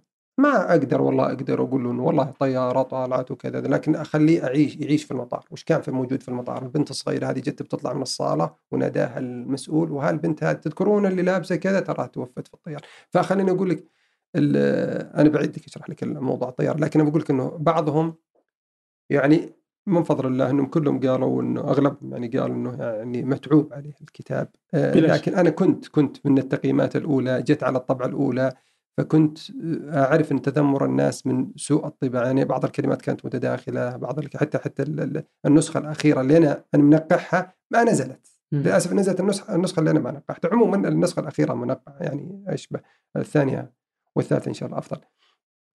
الأخير أنا أعرف إني بالجزء الثاني من الكتاب اللي هو معالجة الأمور الفنية التحليل الفني. أنا تعرف هذا تخصص مو تخصص اني اتكلم فنيا بالطائرات وكيف المحرك يدخل وكيف. يعني ما تتصور كيف أنا دخلت في المعمعة والله إلى درجة إني قاعد أناقش الطيارين الكباتنة ومهندسي الصيانة.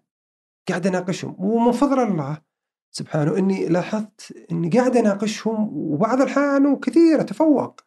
ليه؟ لأني نتحدث عن طائرة مثلا تراي ستار وأغلب اللي يتحدثون من الشباب الطيارين منتديات الطيران هذه معروفة ومواقعهم في تويتر وجروباتهم أنا داخل دخيل عليهم شخص مع شهادات إعلام واعلام ومحب للتاريخ وش دخلوا يتكلم عن المحركات وأثر المحرك والأكسجين كيف يطلع.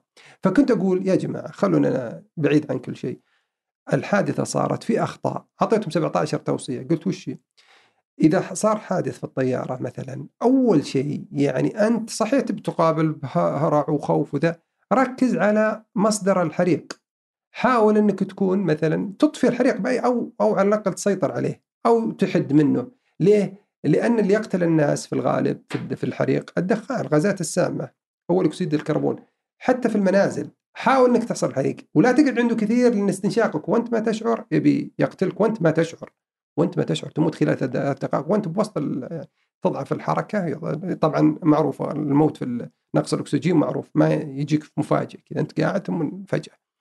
آه، فلذلك تعامل مع في مثلا الرحلة 163 آه، من ضمن التوصيات اللي قلت لهم يا جماعة الطيارة آه، يفترض يكون فيها 11 ملاح مضيف.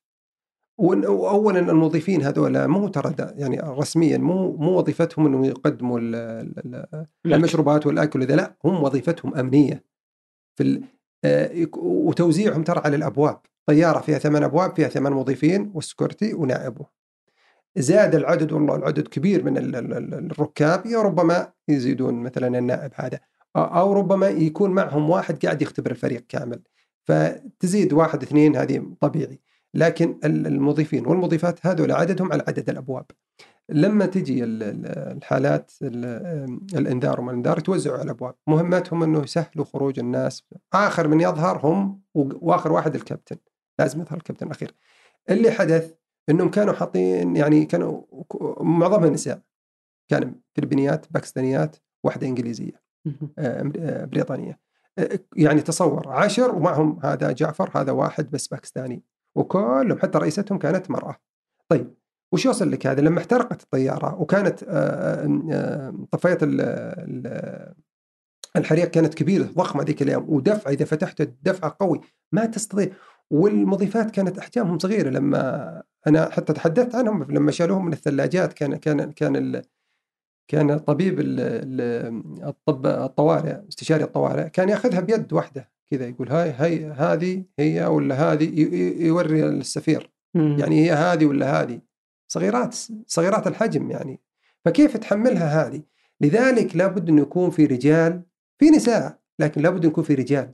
مثل هالأمور هذه تحتاج قوة. معليش تحتاج قوة جسدية. حتى حتى عند الباب لما تزاحموا. ما قدرت المضيفات تطفي النار ما قدروا حتى يحملوا الطفايات ما قدروا حتى يسيطروا على أنفسهم ما قدروا حتى يصيرون عند الأبواب. لما جاء العراق والزحام عند الأبواب ما استطاع أن المضيفات يوصلون عند الأبواب. فصارت الكارثة. طبعا الكارثة لها تداعيات أخرى أخطاء مصنعية أنا وضحتها في الطيارة. 300 إنسان توفى كل اللي فيه توفى الجميع. 300 إنسان ما بين طفل ومرأة ورجل توفوا جميعا في لحظة واحدة والطيار كان على الخط ويتصلوا عليه ويشوفونه ويشوفونه.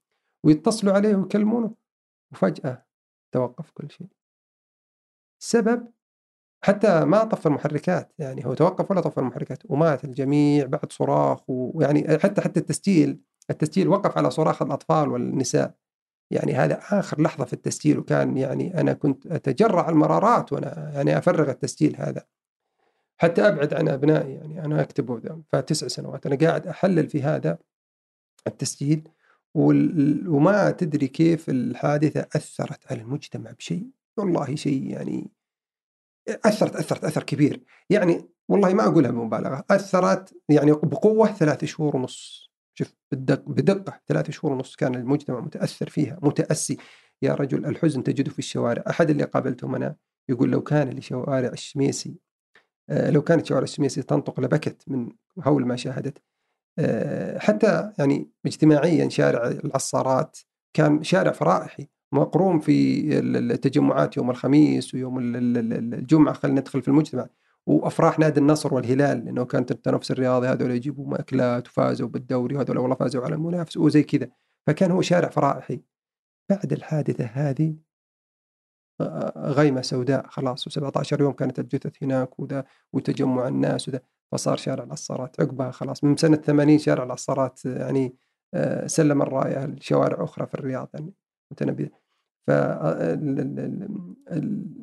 مضطر أنا وقتها إني يعني أبحث في علوم ما هي في تخصصي. ولذلك أقول لك إن التوصيات كانت مهمة. اذا الآن يفترض إنك ما تضع بس نساء. تضع لابد طاقم رجال وتكثرهم لأنه صعاب في صعاب. آه، مثلا في الطائرات الطائرة مصورة كذا. كويس؟ لما يصير آه، آه، حريق أو شيء ما كان فيه آلية أو أو خليني أقول لك عملية تصريف الغازات السامة. هي اللي ذبحت الناس. لو كان في تصريف الغازات ترى الطيارة طلعت من الرياض. ومجرد إنها طلعت صار الحريق. مجرد خليني بقول لك هي فوق شارع ال 60 في الملز. صارت الحريق بالقاعدة طبعا مطار القاعدة. شارع صار الحريق. تدري متى دروا في الحريق؟ دروا حول المزاحميه ورجع الطيار وهو فوق يعني ذيك الأيام حي العريج الدخل محدود البديع ويرجع يرجع يرجع والنار تزيد والناس تصارخ وهم في الفضاء. من فضل الله إن الطائرة ما سقطت يعني ترى دقائق ما سقطت يعني ما مات الطيار والطيارة فوق في الجو. تصور لا قدر الله إن هذا ما وقع إن الطيار فقد يعني آه، توفي والطيارة في الجو. طاحت على حي الملز. يعني زادت تضاعفت الحادثة. لا هو لما نزل وصل آخر المدرج ويكلمهم ما في ثم توقف. حتى توقف الصراخ توقف كذا فجأة. الغازات السامه قتلت الناس. طبعا الخطأ أنا قلت أن اخطاء مصنعية في التراي ستار يعني كانت واضحة يعني المنبه ما نبههم إلا لما وصلوا المزاحميه والحريق وبعدين المنبه هو راجعين أعطاهم يعني وهي مليئة في الغازات السامة الطائرة يعني عند المطار أعطاهم إشارة الأمان إنه ما في شيء. فكان المؤشر هذا. وحدث بعدين سويت له استقراء رحت أشوف المصانع في المصنع TriStar في أمريكا. آه، في بداية السبعينات. فوجدت أنا واحد أحد الزملاء أحمد الرويدي المهندس أحمد الرويدي وجد لي إنه الخط التسلسلي الأرقام التسلسليه للطائرات السعودية TriStar مرت بالمرحلة هذه كل الثلاث هذه أرقام واربع أرقام صارت لها كوارث واثنين منها متشابهات. فلذلك في خطأ مصنعي في الفترة هذه. بعدين رحت ابحث في مكتبة الكونغرس وجدت إن إن إن الكونغرس قبلها بأسبوع واحد أو ثمانية أيام بالضبط كان متحدث عن يعني كانوا يطالبوا آه، رئيس هيئة الطيران وقتها الفدرالي إنه يكون حاضر أبي بيناقشونه بيسالونه استجوابه وزي كذا. السبب اللي سووه شوف شوف العبارة كيف دقيقة إنه آه، آه، نقص وسائل الأمن والسلامة في مقصورات الركاب في الطائرات الأمريكية. الطائرات الامريكيه اللي هي التراي ستار اللي صار لها الحادث ومقصورة الركاب ونقص وسائل السلامة. أيوه أنا طلبوا رئيس الاتحاد الفدرالي للطيران وذا وبعدين تعرف ما يعني مطالبات. صارت الحادثة في السعودية بعدها بثمان أيام. والاعضاء اللي كانوا مطالبين هذه قاموا بقوة كنا نطالب ده هذه طائرة من صناعة أمريكية وذا سقطت في السعودية. ده. ويبدو لي وقتها كانت السي ان ان حديثة العهد يعني كان عمرها ثلاث شهور. وكانت تنشر الطلاب السعوديين لاني التقيت بالطيارين طبعا تقريبا حول 50 شخص يعني من اللي كانوا في المطار بين طيارين وصيانة وإلى آخره. وشهود عيان. فكانوا في أيام الابتعاث الابتعاث السعودي مر بمرحلتين مهمة الابتعاث السعودي اللي هي طفرة الملك عبد الله وطفرة الملك خالد ابتعاث فذيك فترة طفرة الملك خالد. فكانوا يشوفوا الحدث على يعني يشوفون بالأخبار طيارين وحتى الطلاب السعوديين. آه، فاللي أقصد إنه إنه بحث مثل هذا لابد إنه يعني يحوي توصيات. عموما على فكرة التوصيات ترى ما كتبت في يعني شوف سقطت في في الطبعة, الطبعة الأولى. الطبعة الثانية لا فيها التوصيات وفيها حتى تحليل أكثر. الجزء الثاني من الكتاب أنا أنا أنا أقول إنه ممل. أنا ما أنا ما أني راغب القراء هي حقيقة يقرأ الجزء الثاني من الكتاب ليه لأنه بيتعب. وبعدين يجي يقيم الكتاب على قراءته الأخيرة ويقول تعب. لا هذا شيء فني للطيارين. أنا قاعد اناقش للتوثيق إيه بس إني من باب الأمانة العلمية لابد أضعه. لكن اللي اللي القراء اللي جديد على القراءة أو ما هو هذا التخصص ده يقرأ النصف الأول للكتاب. آه طيب يعني برجع أوكي هو تفصيل ممتاز للي صار يعني من حادثة. آه خلي خليني بقيت فيها بعدين برجع لسؤالي أصلا. ما عندك مشكلة. إيش كان ردة فعل السعودية؟ طيب وهل آه تحملت أمريكا شيء من الشركة الأمريكية أي شيء يعني بما أنه خط مصنعي هي قضت يعني الموضحه في الكتاب. مصنعي. هي هي هي لا هي ما اكتشفت إنها خطأ مصنع يعني. حتى حتى اللجنة هي اللجنة اللي شكلت بعد أقل من سنتين نشرت التقرير. قعدت سنتين كاملة أقل من سنتين يمكن شيء ثلاث شهور كذا يعني سنة وتسع شهور. أصدرت التقرير النهائي المفصل وموجود هو تقريبا حوالي 298 صفحة موجود يبدو لي على النت بس باللغة الإنجليزية. أه حتى هذا لي تحفظات عليه أنا. مم. حتى التقرير هذا لي تحفظات عليه؟ هو واضحة يعني واضحة. اللي بيقرأ كتاب بي يعني واضح إن هذا التقرير فيه أشياء يعني يفترض إنها ما أدري أه، أحس إنها خطأ. مم. يعني اجتهدوا ما أقول لك لكن أحس انه خطأ. عموما هي طبعا آه، لجنة عالمية مثل الحوادث هذه اللج- لجان عالمية وذا. آه، بعدين صارت حادثة ثانية إنه طفلين طاحوا بعدها بثلاث شهور. يعني أصلا أصلا طاح من الطيار؟ طاحوا من الطيارة فوق. آه، شوف موجود في الكتاب إنه إيش؟ آه، آه، الحادثة هذه صارت في 19 أغسطس 1980 وبعدين بكى الناس فيها يعني مهولة كلهم ماتوا وأسر وذا. بعدها ب 27 يوم سقطت طائرة المجتمع السعودي ما عمره ما عمره في تاريخه سقطت له طائرة. إلا في طائرة في عهد الملك سعود كانت تحمل حاشية الملك سعود طالعين من يبدو لي من من إيطاليا أو زي كذا رايحين للنمسا وزي كذا وطاحت في جبل آلب عواصف وزي كذا. وفيها يمكن عدد يمكن 18 شخص نعم. وكانت طائرة صغيرة. هذه الطائرة ماتوا كلهم؟ ماتوا هي كلهم. هذه طائرة مدنية وكبيرة وعدد مهول. يعني هي حتى في الترتيب العالمي في وقتها كانت الثانية أو الثالثة عالميا. ما كان يسبقها إلا اللي صارت في جزر الكناري. آه، ال- ال- والآن شوف تقييم الحوادث الطائرات في حوادث الطائرات بين طائرتين. في حوادث طائرات بين لطائرة واحدة منفردة. هي من وفي حوادث طائرات أرضية وفي حوادث طائرات احتراق في حوادث طائرات زي كذا فهي كطائرة فردية من أكبر الحوادث. حتى يبدو لي أنه في في إحدى القاعات الأممية وكذا كاتبين يعني حاطين صورة ال- ال- الحادثة هذه وكاتبين تحتها هنا كان بالإمكان يعني آه، آه، إنقاذ جميع الركاب. هو الحقيقة يعني آه، كيف إنقاذ الركاب؟ البعض يرمي باللائمة على أشياء أنا يعني فندتها الدفاع المدني والله الدفاع المدني ما له دخل. أصلا الدفاع المدني وصل للمطار بعد شوف بعد وفاة. الناس بتقريبا 25 دقيقة. بعد وفاة. مو بعد الحاد يعني نزول الطائرة بعد وفاة. لأن الدفاع المدني جهة مستقلة ما له دخل في الأمن المطارات لها إنقاذياتها ولها أطفائياتها. فأطفائية المطار ما قصروا كانوا موجودين وسابقون الطيارة ووقفوا قدامها وينتظرونها ورشوا سووا كل حاجة. لكن مجرد الطيار ما وقف لما وقف الطيار ما قدروا يداوموا يعني أنت كيف الطالب الط- ال- ال- ال- ال- الأطفائيين يطلعوا للطيارة؟ أصلا مو مهمتهم يطلعوا هم من بعيد يطفوا. لكن كيف طلبهم إنه يوصلوا للطيارة؟ انقاذيين مو بخلي الأطفائيين. الانقاذيين كيف يوصلوا للطيارة الآن؟ والطياره محركاتها تشتغل.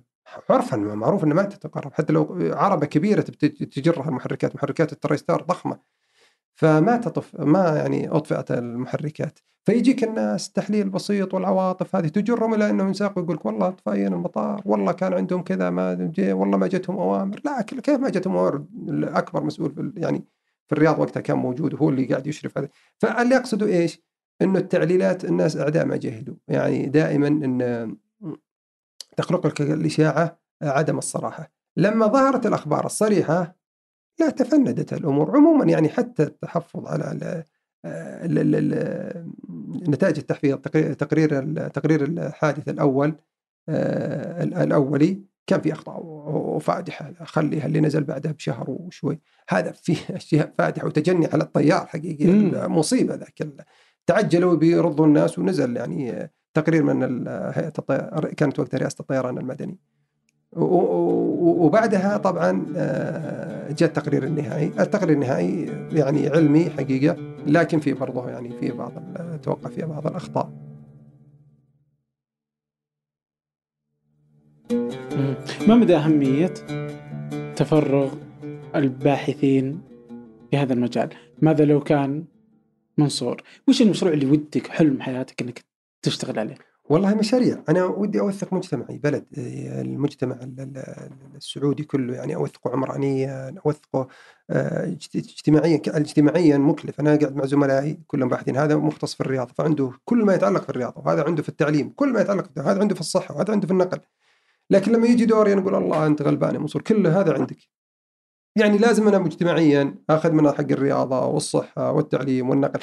فودي أوثق مج... يعني آه تاريخ البلد تاريخ مجتمعنا. ليه؟ لأنه محبوب الناس تحب تقراه. الصغير والكبير أنا أشوف الشباب الصغار شغوفين في إنهم يطلعوا على يعني تغريدات أو زي كذا. يعني وكل الحسابات يعني في يمكن ستة وسبع حسابات اللي تتكلم عن التاريخ يعني متابعيها بال... بالآلاف مئات الآلاف. يعني واضح فيه اهتمام من الناس كلها يعني صحيح. ولا أدري إيش السبب يعني. يعني شوف الآن ثورة أيام الطيبين، الزمن الجميل، الآن كل شركات تحاول تجيب لك منتجها الجديد، يعني قلت لك أنا حتى GMC جابت الألوان حقت الصالون اللي ال GMC جابت البيبسي رجعوا بيبسي ليمون ورجعوا بيبسي الطيبين وهرفي مثلا لا تكون هذه إعلانات ذي لكن هرفي نزلت المنيو القديم صح. وكلهم كلهم كلهم الآن موضتهم إنهم يكونوا ليه؟ لأنه يربطون بالماضي ويبينون عمقهم إنهم يعني لهم عمق ويكتبون التاريخ والله إحنا من سنه 81 موجودين في البلد وذا اللي يقصد إيش؟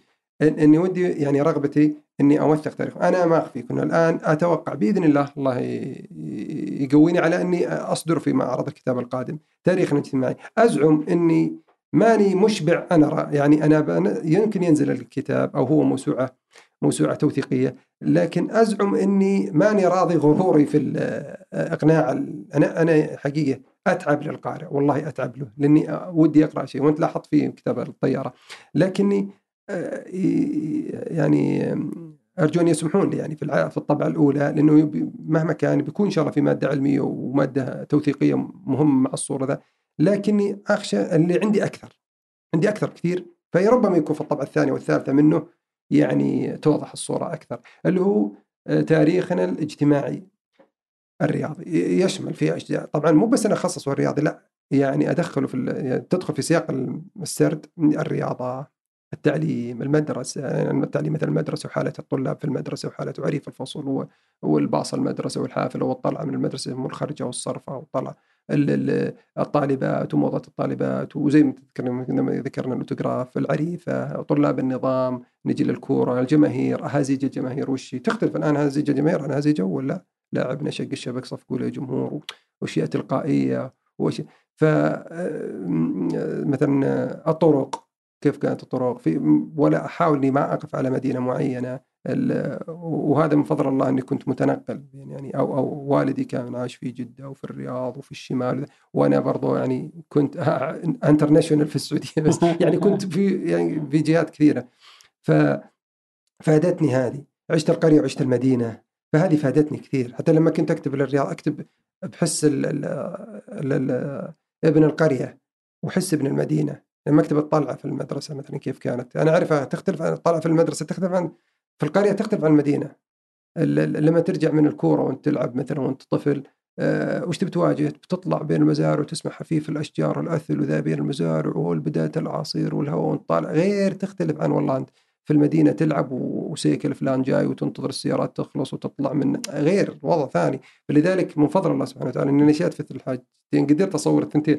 لكن موسوعة علمية توثيقية عن تاريخ المجتمع السعودي لمدة 70 آه، سنة. حتى تعرف الإشاعات واللي أنا قاعد مثلا جزء منها أقدمه في أشياء غيرتنا. لازم هالشباب وحتى الأجيال القادمة تعرف المرحلة ذي. ليه أنا أقول لك؟ لأني عانيت منها لما أقرأ تاريخ المماليك وتاريخ العثمانيين وتاريخ آه، الأمويين في الأندلس وملوك الطوائف والأندلسيين كنت أحب تاريخهم. فما أظفر في العباسيين الآخر ما أظفر في الجوانب الاجتماعية لا قليل جدا. يعني في الإتيكيت وما الإتيكيت لقيت في في زرياب وما زرياب. فكنت اللي أنا متعطش له لازم أرويه للآخرين. طيب مجتمعي أقدر على الأقل أنفع فيه. فلقيت إن العك... بالعكس الناس ما عندها تحتاج سوق يعني يعني السوق يحتاج كذا يبون الناس. هذا واحد. والنقطة الثانية أحداث الحرم. هذا الكتاب طبعا. الحاجة الثانية أحداث الحرم. أحداث الحرم ليه أنا كنت حريص إني أوثقها؟ لأني ابحرت في قراءة الحدث وحدث مهم جدا جدا أثر. طبعا هو في وقت احتراق الطائرة، الطائرة احترقت بعد أحداث الحرم بشهر وثمان أيام. آه عفوا مو بشهر ب 10 شهور ثمان أيام نفس السنة يعني. نفس السنة الهجرية لكن مي نفس السنة الميلادية، الميلادية تسعة نهاية 79 وهذيك في آخر 80 أحداث الحرم تقصد أحداث الحرم في 79 هجيمه نعم. آه هذه سلمك الله يعني ودي بس أنقل القارئ اللي أنا قرأته لأن لأن في أشياء أخطاء أخطاء في التحليل أخطاء في في في في مثلا سرد الأحداث في أخطاء رهيبة في جهل. بعض الناس ما تجهل المعلومة هذه. ف يعني هي نزلت أذكر قبل سنتين نزلت البي بي سي. الوثائق الفيلم الوثائق ونقدته نقدته اعلاميا وتاريخيا، اعلاميا بحكم إني اعلامي كاتب سيناريو، لكن نقدته تاريخيا كمعلومه تاريخية. الثانية اللي هو آه، حتى يبدو لي الفرنسية، الفرنسية آه، نزل قبل يومين وحطوها واسم هاشتاج كذا نزل. ما لقيت الوقت إني أقدر اقراه عشان أفيد القارئ. لكن العاصوف الناس أكثر شيء العاصوف العاصوف لما نزل الثلاث حلقات هذه يعني أنا كنت ما أشوفه حقيقة كله. لكن لما جت الثلاث حلقات وكنت قال القراء كانوا يسألون قلت والله ما أشوفه. خلاص شفته العام وناقشته العام هذا لأنه تحدث عن مجتمعنا. وصور بالتصور يعني تصور برجع برجع إيه، للموسم الأول. طيب نعم. نرجع للأحداث. لما وصل العاصوف للأحداث هذه قلت لا لازم هنا أنا الحين هذا التخصص داخل على ملعبنا. أنا لابد أن أصحح للناس. أنا مؤمن على المعلومة. فذكرتها ذكرته وكان في وسم وكتبته ووضحت. كنت يعني أشوف الحلقة وانقدها معلوماتيا وتاريخيا أحداث والسيناريو زي زي زي إيش؟ معلومات. كثير. بيرجع لها ترجع الهاشتاج بتقوله. يعني مثلا أضرب لك مثال. هم أول اللي هو هاشتاج فات على العاصوف صح؟ آه، كان كان ما آه، فات على العصف يبدو لي إنه لكن أي شيء تكلمنا عنه بيهمكم بيكون في وصف الحلقة فما نكمل. إيه كان أذكر يعني مثلا بضرب لك مثال آه، الحلقة بدأت كأنه يعني لما دخلوا دخلت الجماعة.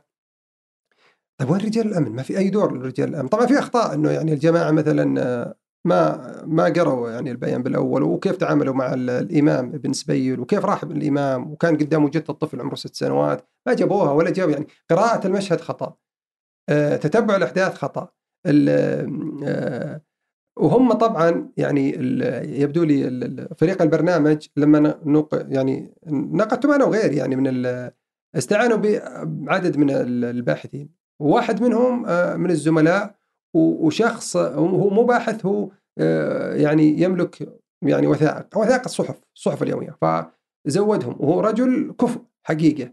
كفء وزودهم مادة يعني. كان يفترض إنهم على الأقل تقدير انهم قرأوا المادة اللي زودهم الأخ آه، الباحث. عموما آه، فالقراءة السيناريو الأحداث فيه أخطاء كبيرة. مثلا وبعدين ما أبرز حاجة الأحداث اللي قلت لك إن في أحداث ما جابوها وفي أحداث جابوها ما هي حقيقة. زي. يعني يعني مثلا إنه ما كان في مقاومة للعسكر وذا. صحيح لكن وش العسكر سووا؟ قالوا إنه خلع ملابسه وكان صار من ال لا بالعكس أسروهم ومسكوهم وحطوهم بالقبو كثار عدد كبير من العساكر.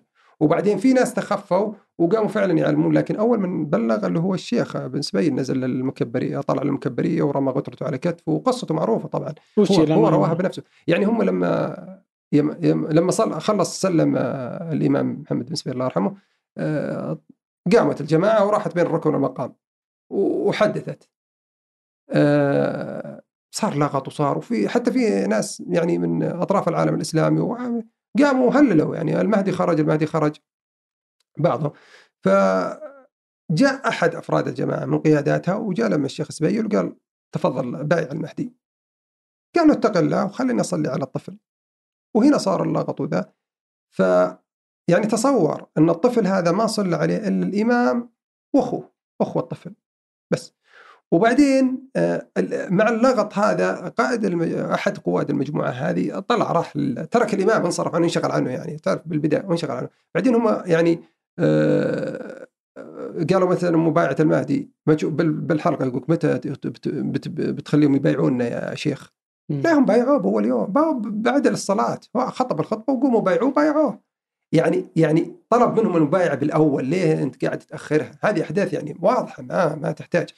النقطة الثانية العسكر. الدولة لما جاء الخبر طبعا على طول نزلت عساكر في البداية كان دوري. وبعدين مسألة الدوريات وكيف. أول أول من جاء جيب ما جاء سيارة سيدان. آه، واللي أصيب أصيب واحد آه، قتل واحد أصيب واحد. وكان فيه معتمر يعني آه، داخل الحرم وكان في لابس كذا جاكيت آه، جيشي. أظن إنه عسكر وضربوه. الله يرحمه.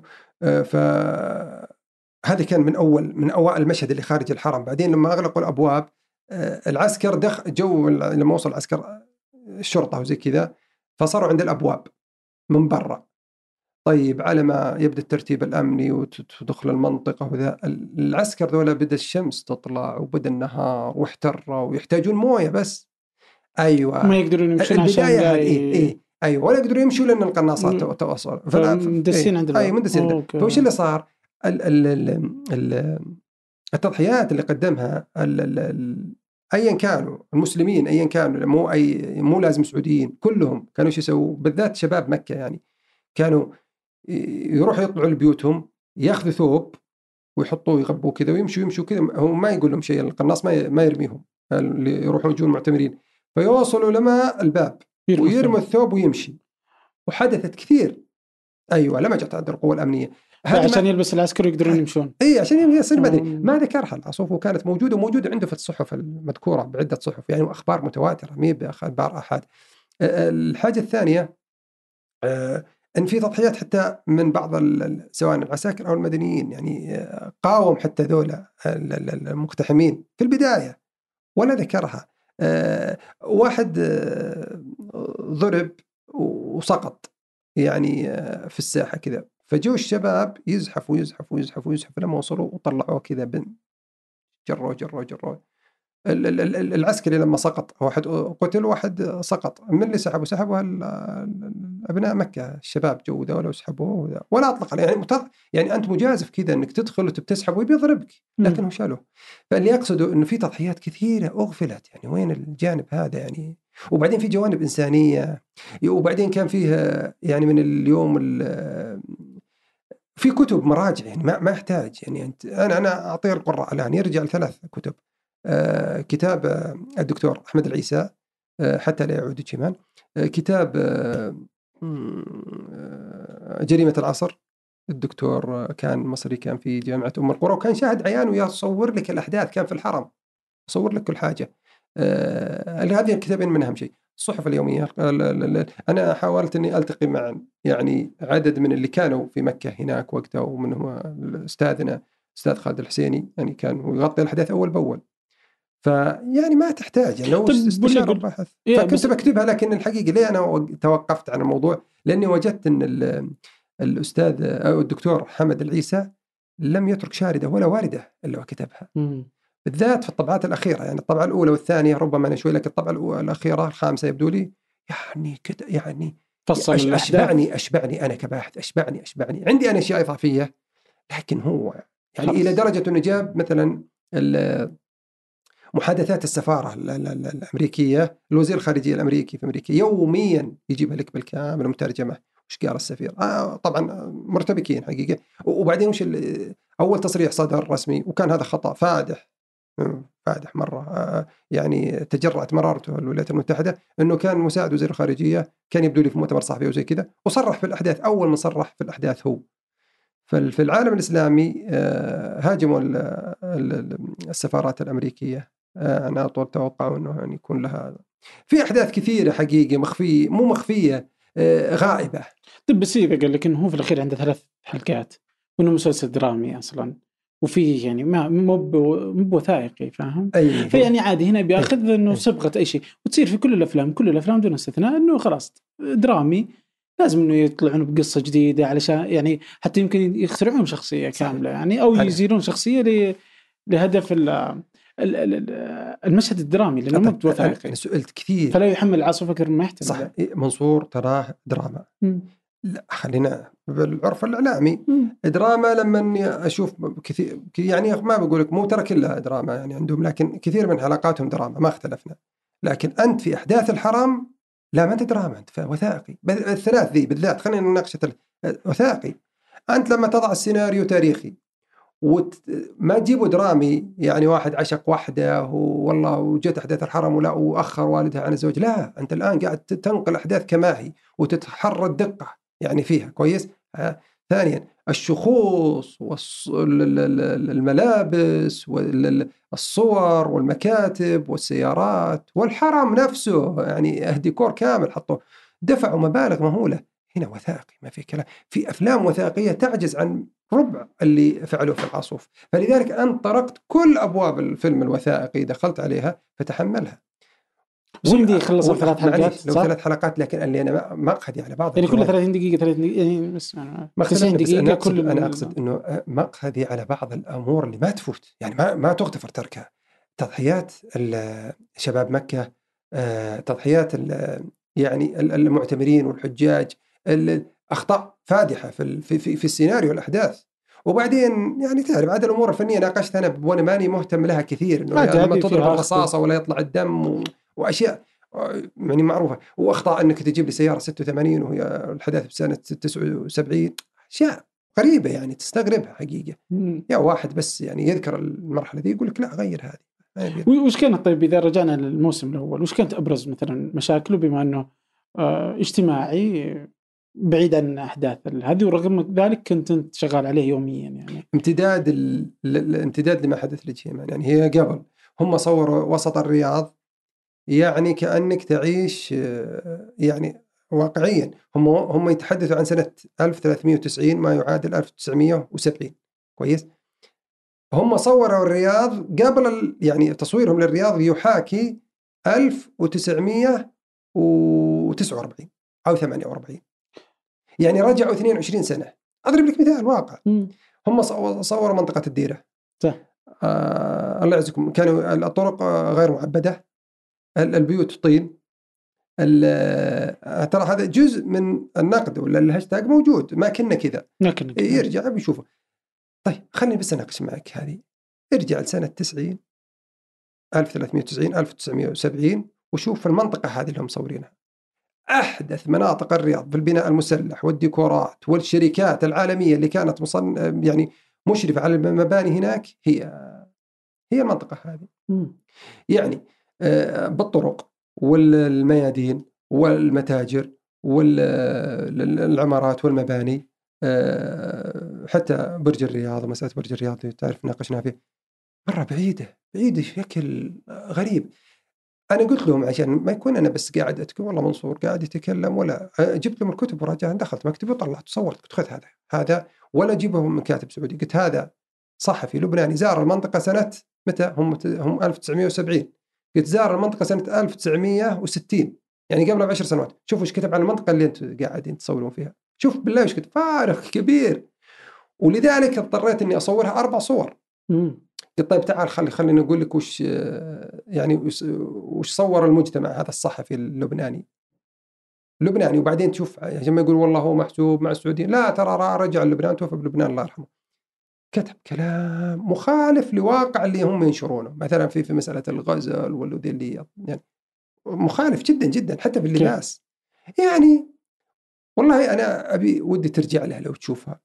إن مثلا الشباب السعودي كان يعني أنا أقول لك الحقيقة في الفترة دي وحنا ادركناها كانوا يعني خل ابن بلد على ما قالوا آه، ويسمونه بذا يقول لك ابن عرب مثلا يعني متأصل في عاداته المجتمع كان متسامح آه، آه، اجتماعيا آه، ما في فوارق ما في فوارق اجتماع ما في صراعات فكرية ما في كلهم لحمة واحدة حقيقة هذا شيء عشناه. حتى يوم أقول لك مسألة البعثات الأولى في عهد الملك خالد آه، الناس آه، آه، لت- لتوافقهم أسرع منهم لاختلافهم. يعني آه، ال- البيوت عامرة بالتواصل الاجتماعي ال- ال- ال- ال- العلاقات الاجتماعية المتأصلة موجودة. و- وحقيقة زي ما تقول لك يعني ما فيها على ما قالوا نظرة ردية للمرأة. يصير ما أقول لك لا لكن آه، بشكل وباخر بالغوا فيها. وغير كذا يعني دور العلم والتوعية والناس يعني مطلعه لا هم صوروا يعني في جوانب كثيرة ما هي صحيحة. لكن أنا ربما إني ما أستحضر لك المواقف اللي هم ذكروها عشان أرد عليها الآن لكن في الوسم نفسه الهاشتاج موجود كل حاجة. كل نقطة يعني معالجة من من لسان غير سعودي. يعني شخص آه، درس في المملكة أو عمل في المملكة. وانت تاخذون غير سعودي علشان يعني إنه يكون علشان يكون أكثر موضوعية بس. إيه. إيه. والله العصوف يعني يعني في يعني أحس إنه نقد عليه كثير. صح إنه في بعضها إنه أفهم إنه بعضها إنه يكون دراما. فعادي إنه يبالغ في المشهد أكيد. يبالغ في بعض ال- النقاط. بس عاد يعني فعلا يعني ما بين إنه المبالغه وما بين آه، إنه يصورون إنه طين وكانت في فيه مباني في المدينة. يعني حتى أتذكر في يمكن في فيديو لل شو اسمه القناة البريطانية؟ باثي أتوقع. ففي فيديو حتى يعني بعض الأشياء اللي عام 1970 وكذا وتشوف إنه يعني وفي- يختلف يعني. وفي فيديوهات في الستينات. مم. كثيرة في الستينات كثيرة. ف- تختلف عجيب. طيب أنا ودي أخذ أكثر من حاجة يعني قبل يعني من الأشياء اللي ذكرتها وكذا ودونتها هنا. أنت قلت على طريق العصارات بعدين المتنبي إنه كذا إنه الطريق انتهى بعدين جاء المتنبي. آه العصارات علشان الطائرة. و- مو و- سبب بس هو أربطه أنت دائما في الط... في سبب انحسار شارع العصارات في الرياض مثلا أنا سقتها في في في يوتيوب نزلتها مرة في بسبب خمس أسباب. يمكن ما أستحضرها الآن لأني أنا أذكر ذيك اللي كنت يعني جامعها معي. شارع العصارات في الستينات في الستينات والسبعينات كان وهو ويتشارك مع شارع الوزير. الوزير يعني مخملي شوي وحتى ذا مخملي بس إنه كان يعني آه، الوزير يعني آه، ال- ال- الوجهاء يعني. أنا- زي خلينا نقول لك مثلا شارع الماركات وشارع والعصارات أكثر شعبية شوي بس إنه زي ما تقول خلينا بقول مثل التخصص في التسعينات. فكان آه، انتهى في نهاية السبعينات. السبب لنهاية العصارات أشياء مثل واضحة يعني الكباري يعني اول هو قائم على العصارات عص- يعني محلات عصير 17 محل في شارع ما هو طويل وكله كيلو ونص والشباب يجوا ياخذوا سندوتشات وياخذوا عصير ويجتمعوا يقعدوا عند البوفيه وهذا قاعد وهذا قاعد وهذا قاعد تصير تجمعات زي ما يصير مثلا في آه، تخصصي وقتها مثلا. فصار في ليالي فرائحيه لأجل الخميس والجمعة وزي كذا ومواكب تمر. ال- آه، بعدين طلعت الكباري. الكباري قتلت سوق العصارات تجاريا. فهذا تأثر هذه الكباري. الأندية الرياضية انتقلت نصر والهلال. الأندية الرياضية كانت تجمع محل تجمع. إذا فاز النصر فاز الهلال. تجمع وليالي وسمر وكانوا يقدموا أكلات. الهلال فول والنصر سليق وليالي يفرشوا ما طول ال- كذلك آه، إيه، أنا كنت كذا أحس انه في ترند مثلا أو في كذا في نمط إنه ينتقل مثلا من العصارات للمتنبي للتخصصي للتحلية للعليا. فاهم؟ كذا إنه. كل شوي يطلع شارع. ويموت. كل عشر آه، سنوات. لو قلنا. مثلا إيه كل عشر سنوات أوكي. الدهر ذو دول والمرء ذو أمل. بالبداية كان في شارع اسمه شارع ثميري معروف شارع ثميري، لا هو في شارع اسمه جبر الخواطر، يعني هذا شارع فرعي وصغير. ولا في أي حياة، ابدا ما في أي حياة. ويجب خواطر ليه؟ لكن جبر خواطر يقول لك إنه كان في واحد مثلا مسؤول وكان مثلا يعني متذمر من حاجة ده فكانوا بيجبروا خاطره البلدية فبيوم وليلة يعني آه، عبد معبد الطريق لكن آه، سووا ترصيف وتشجير وإنارة فسموها العيارين هذول سموه جبر الخواطر فشارع جبر الخواطر خلينا نقول سنة مر بسنواته لكن نقول مثلا الثميري بعده نقول ال- ال- ال- العصارات العصارات. والوزير وبعده جاء دخل الثمانينات الثمانينات الطفرة المهولة للمجتمع السعودي والأيام الفرائحية اللي هي آه، جاء شارع المتنبي للنساء في الملز وجاء شارع الستين للشباب بالذات شباب المباريات. كانوا النسوان يروحون في المتنبي اللي وال- شارع المتنبي النساء الثمانينات آه، تدبج فيها القصائد شارع المتنبي شارع المت- المشهد يعني. أشرح لك المشهد. شارع المتنبي آه، لا زال هو موجود طبعا وللاسف وعد وأنا كنت يعني كان ودي إنه يكون في مقترحات ال- ال- ال- الجهات المسؤولة إنه يكون يعني في شارع للفنانين ال- الخزفيين وفي شارع للرسامين وفي شارع للشعراء في شارع للأدباء في شارع للباحثين كذا نكون يعني عموما شارع المتنبي آه، يعني شارع كله آه، معارض نسائية.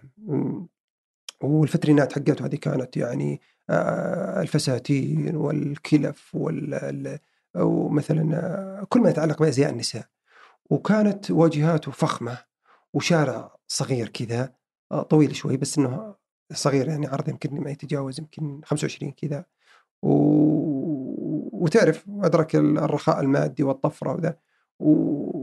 وكانت النساء بعدها الرخاء المادي يعني يتبضعوا منه. كانت يعني خليني بقول لك البنات الطبقه المخملية وبنات الطبقة الوسطى حتى الط- الطبقة الفقيرة كلهم يجونه ولا اخفيكم كان في مظاهر غزل وذا زي كذا آه، وكان استعراض للشباب في السيارات وكان الشباب قادر على أنه يشري سيارة غالية بذيك الفترة يعني من راتب راتبين يطلع ربما يطلع من من مكافأة الجامعة وقتها يطلع. فكانت مظاهر الفرح والسرور واستمرت لمدة تقريبا عشر سنوات. آه، طبعا أنا سردت في التويتر عن كيف قصته وكيف كانوا بينقلون ذا لا. وعد متى؟ لما ولد بداية التسعينات لما أغلقوا السيارات خلوه مم- ممشى يعني. مشاة بس فوعد. في فترة الثمانينات هو كان يعني يعني خلينا نقول. نسائي نسائي. لكن كان في الست الستين شارع الستين. الستين كان فيه برضه الشركة ال- ال- المطاعم.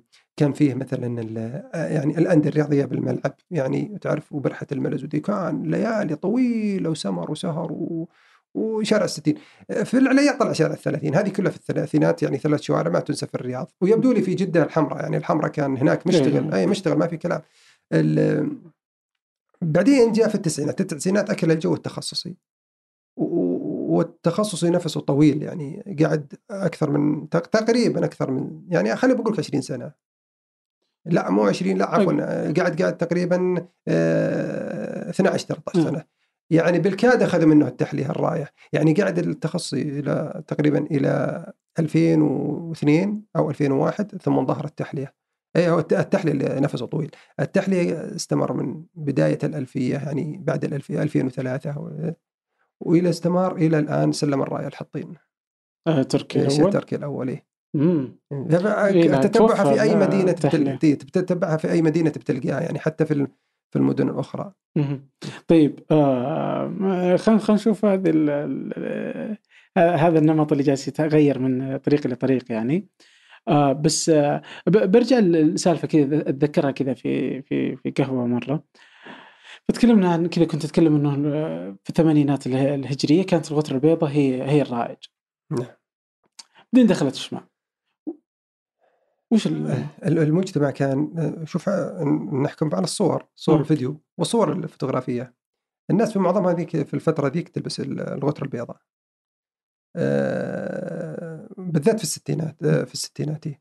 الستينات ونهاية السبعينات آه، الستينات ونهاية الخمسينات. وحتى إلى يعني منتصف آه، تقريبا السبعينات. كانت الغتره البيضاء هي اللي غالبة. يعني الغتره البيضاء اولا هي منتشرة أصلا اجتماعيا. غير كذا تد- تدل كذا مدلول كذا على إنه شخص متعلم شخص مرفه شخص أختصرها لك يعني شخص متطور. غتره بيضاء الغتره البيضاء كذا واللي مو مطور؟ ينظر. يعني هم ينظرون نشواء هم ينظروا كذا تفكير تعرف العوائد الاجتماعية دي. ينظرون إنه أقل يعني درجة علمية أو أقل يعني مثلا هذا هذا حضاري مثلا مدني وهذا والله قروي زي كذا يعني تفكير. القروي وش يكون؟ لابس شماغ. يكون مثلا يعني ينظرون إن اللي يلبس الشماغ قليل ربما إنه آه. مثلا يعني حديث العهد بالمدنية كذا خاطئ طبعا ما في. كلام. آه لكن بعدين شوف اللي صار العكس. لما جت الطفرة وما الطفرة يعني ما أدري وش سبب تزامنه مع الطفرة لكن آه بدأ الشماغ، الشماغ بدأ في يعني في السبعينات تقدر تقول من منتصف السبعينات. هو موجود ترى حتى بتلقى صور فيها شماغ لكن أنا أقصد الانتشار الغتره أكثر. كان غتره بيضاء ونظارة الايربان هذه وثلاث اقلام هنا أو أربعة كل ما كثرت الاقلام زادت الثقافة وكان الكبك الفص هذا. أيوه هذا خلاص هذا هذا جمع المجد من أطرافه. لما جت كذا يصف. الاقلام حتى حسين عبد الرضا في على همانيا فرعون كان لابس يعني ولا الجاكيت الكاروهات. هذا خلاص هذه ملك الموضة. خلاص أنت. أيوه.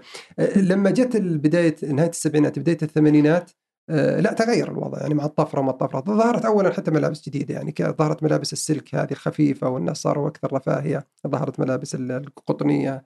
ظهر أصبح الشماغ. يعني انتشر أكثر. آه، حتى شوف عشان تدرس المرحلة أكثر تابع التغير المجتمعي. شوف لك مباراة الآن في الألفية وشوف لك مباراة في بداية التسعينات أو نهاية الثمانينات. شوف المدرج أستاذ الملك فهد وأستاذ جدة. مم. شوف المدرج. كلهم ثياب وشماغ أبيض. بالصيف بالصيف آه، تابع مباريات الصيف أفضل. مسائية أو أو عص- بالعصر أو في المساء بالليل. آه، شوف المدرج. كله. أبيض أبيض وشمغ آه شمغ أي أبيض وشمغ تجي لل يعني وقتنا الحالي شوف المدرج لا ملون لأنه صاروا يلبسوا قمصان تكميلات مم. رياضية وجنز تغير الوضع إيه، بس إيش اللي يغيرهم من الغترة للشماغ؟ الغترة شباب والله ما في أسباب ما كذا بس أسباب. لا فجاه ما في أسباب حقيقه تبعد يعني شوف شوف أن ال- دائما ال- الاعتقادات الخاطئة ما تطول تزول إن كان اعتقادهم خاطئ كانوا ينظرون إن اللي يلبس الغتره والله متحضر أكثر بس قلت يمكن أحد. لابسها يعني إنه كذا إنه في طبعا أكيد إنه ال- ال- ال- ال- الرعاية دائما يتبعون ال- ال- ال- ال- مثلا ولي الأمر مثلا مم. وفي تلقى دائما شخصيات مثلا بارزة وحتى من يعني ولي أمر أو مسؤول أو زي كذا تلقاه هو يعني مثال للشباب. خليني أعطيك مثال أعطيك أشياء حية. بعطيك بالعباسي وبعطيك بالعصر السعودي؟ أعطني طيب. أعطيك في العصر العباسي يقول لك كان في خليفة اسمه المستعين. كان آه، أول من أوجد الأكمام الواسعة. العباسيين كانوا يلبسوا مثل الأكمام. هذه عاديه آه، هذا المستعين لا كان يوسع لكم. لما تشوف المسلسلات الإسلامية دائما تشوف الكم آه، واسع. هم ماخذينها من المستعين. ولا ترى الاصل إنها ما تكون واسعة. فكان لبس الأكمام الواسعه والقصوات الطوال. آه، تبعه الرعية. فالنخبه أو الطبقة المخمليه لما لبست تلبس الرأي. آه نجي لعصرنا كان فيصل بن فهد إذا لبس شيء يلبسه الشباب. فيصل بن فهد الله يرحمه كان أمير آه وسيم متحدث دبلوماسي شخصية مسؤول ابن ملك. آه متعلم مثقف كان ينظر له يعني شخصية آخر. فكان إذا لبس فيصل يلبس الشباب. يلبس زرار متصل يلبس الشباب مثله. في السلك ال- المسؤولين ومن المسؤولين سعود الفيصل كان يملك الشخصية هذه لبس مثلا ال- القيطان لبسوا معه. قيطان الخيوط. آه، خذ تمرحل هذا يعني ال- ال- الشخصيات العامة. خليك مثلا تقول لك والله فنان أو مثلا لاعب وذا هذول يسوي إعلان مثلا لللبس أو زي كذا لكن الحقيقة إنه يعني بعض الشخصيات أو الشخصيات المثقفة فأنت ما بالك إنه كان مثلا آه، ولي الأمر كان يلبس شماغ. فالناس تلبس. أوكي. ممكن. يعني. طيب على ولاة الأمر يعني في مرة من المرات يعني في في فترة من الزمان كانت كانت الحكومة في جدة. يعني فترة قصيرة. بس وبعدها كذا كانت برضو الطائف. كانت مكان يعني مزدهر آه، بعدين اختفى. صارت الطائف مدينة عادية يعني وش اللي حصل للطائف يعني؟ أنا أعلم كل اللي صار للطائف. اللي صار للطائف حاجتين مهمة. أول إنه كان مصيف الملوك من عهد الملك عبد العزيز. فالملك صيف يقضي في الطائف. إذا وصل الملك للطائف توصل الدولة كلها بأجهزتها وكبار المسؤولين في الطائف. كبار المسؤولين ذول عندهم عوائل في الطائف. فجزء كبير من المجتمع ايا كان من أهل الشرقية من أهل الغربية من أهل الوسطى من الشمال من أهل الجنوب كلهم كانوا يتجهوا مع عوائلهم بعضهم بعضهم مع عوائلهم للطائف. فأكيد إذا ولي الأمر نزل للمدينة بتتحرك ال ال ال ال ال اقتصاد. الاقتصاد وحتى الخدمات تتحسن والجهات ال- ال- ال- الرقابية والجهاز والاجهزه الحكومية مثل البلديات وذا تحسن من الخدمات إلى آخره. ناهيك إنه إن الملك عنده استقبالات. يعني كان الملك يستقبل قمم كاملة. فلذلك وضعوا فنادق خمس نجوم كثيرة في الطائف. لذلك بنيت قصور في الطائف. لذلك اقيم آه، يعني مدينة رياضية كاملة مدينة ملعب مدينة رياضية كاملة في الطائف وكان فيها مرك... آه، يعني كأس العرب وكانت المصيف وذي كلها في الطائف لما في بداية عهد الملك فهد الملك إذا خلينا نقول لك الملك عبد العزيز الملك سعود الملك فيصل. الملك خالد كلهم الله يرحمهم كانوا يروحوا للطائف الصيف الملك فهد راح للطائف لكن انتهى قصره قصر السلام في جدة فصار الملك يروح جدة. لجدة ست شهور وتقريبا يعني خلينا نقول الرياض ست شهور جدة ست شهور وتنقل الملك فهنا انحسر دور الطائف. دور مو انحسر من الدولة لكن انحسر أقصد أنه يعني التطور في التشكل. إيه. هذا آه، هذا هذا أوكي. تحليلي أنا ربما في أشياء ثانية أخرى مم. يعني آه، ال- ال- هو الجانب هذا هو ممتاز. طيب أنا باخذك إلى نقطة برضه ثانية اللي هي آه في واحدة من الأشياء اللي على اشياء غيرتنا يعني آه يعني في دائما يعني أحيانا بعض النقد اللي كذا اللي أقرأها أو التعليقات حتى اللي تجي إنه أغلب ال- الأحداث والسرد اللي يسرده الأستاذ منصور إنه يكون يعني يغيب فيه المشهد النسائي. هل في مؤرخات أصلا للمجتمع آه، مؤرخات اجتماعيات الناس تقدر تشوفهم يحصلوا يعني أفهم يمكن في بعضها إنه شيء يصعب عليك الوصول إليه يعني إنه نساء. بس هل في مؤرخات كذا أرخوا ونقدر نوصل له؟ هل أصلا كلامهم صح؟ ولا لا؟ أبى أقول لك حاجة وتتفاجئ ربما من يعرف عنهم أكثر ما يعرفون. صحيح والله ليه؟ أنا بقول لك الله يحفظهن أنا أخواتي ما شاء الله ال- آه، أربع الله. يخليهن طول بعمرهن اللهم آمين. آه، ف آه، وإخواني برضو يعني آه، يعني أنا أعتبر من يعني صغار من أبناء والدي فلذلك كانوا إخواني إذا اجتمعوا أسمع منهم وأسمع من اخواتي فلذلك الحراك هذا ما غاب أنا أنا كتبت في الت- في, في التويتر أشياء يعني أو ما يتعلق بالنساء أكثر ما يتعلق بالرجال. خصصت للنساء أكثر ما خصص للرجال في تويتر خليني بجيب لك الأشياء غيرتنا. أشياء غيرتنا آه، الحديث في معظمه ترى هو عن ال- ال- المجتمع عام نساء. ورجال.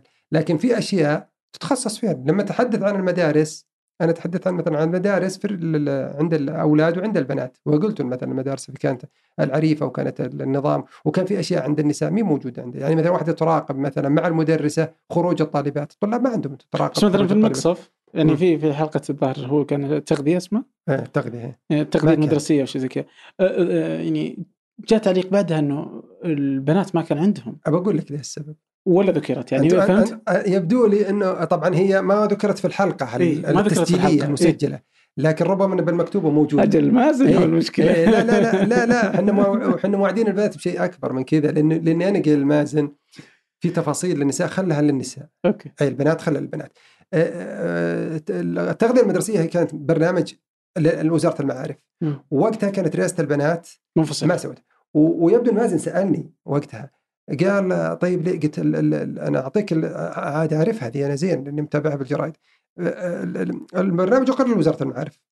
رئاسة البنات ما ما ما ما قررت البرنامج لكن سئل ما راحت على الصحفيين سألوا آه، رئيس تعليم البنات ابن خنين الله يرحمه ذيك الفترة ذيك الفترة تقريبا سنة 80 قالوا ليه ما يكون ما, ما يعني في نية إنه يكون في برنامج تغذية للطالبات؟ قالوا لا بإذن الله بس نبي نشوف تجربة زملاء. نبي نأخذ خلاصة تجربة زملائنا في وزارة المعارف ثم نتلافى السلبيات. أيوه. هو قالها في في في في نهايه 79 بداية 80 بعدها بأربع شهور أوقفت وزارة المعارف التجربة. التجربة.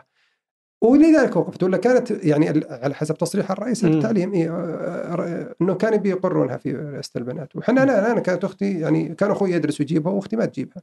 إيه ف... يعني ف... هو إنه كانت في كانت في وزارة المعارف هذه وزارة لل... هذه وزارة كل مستقلة. للبنين بس...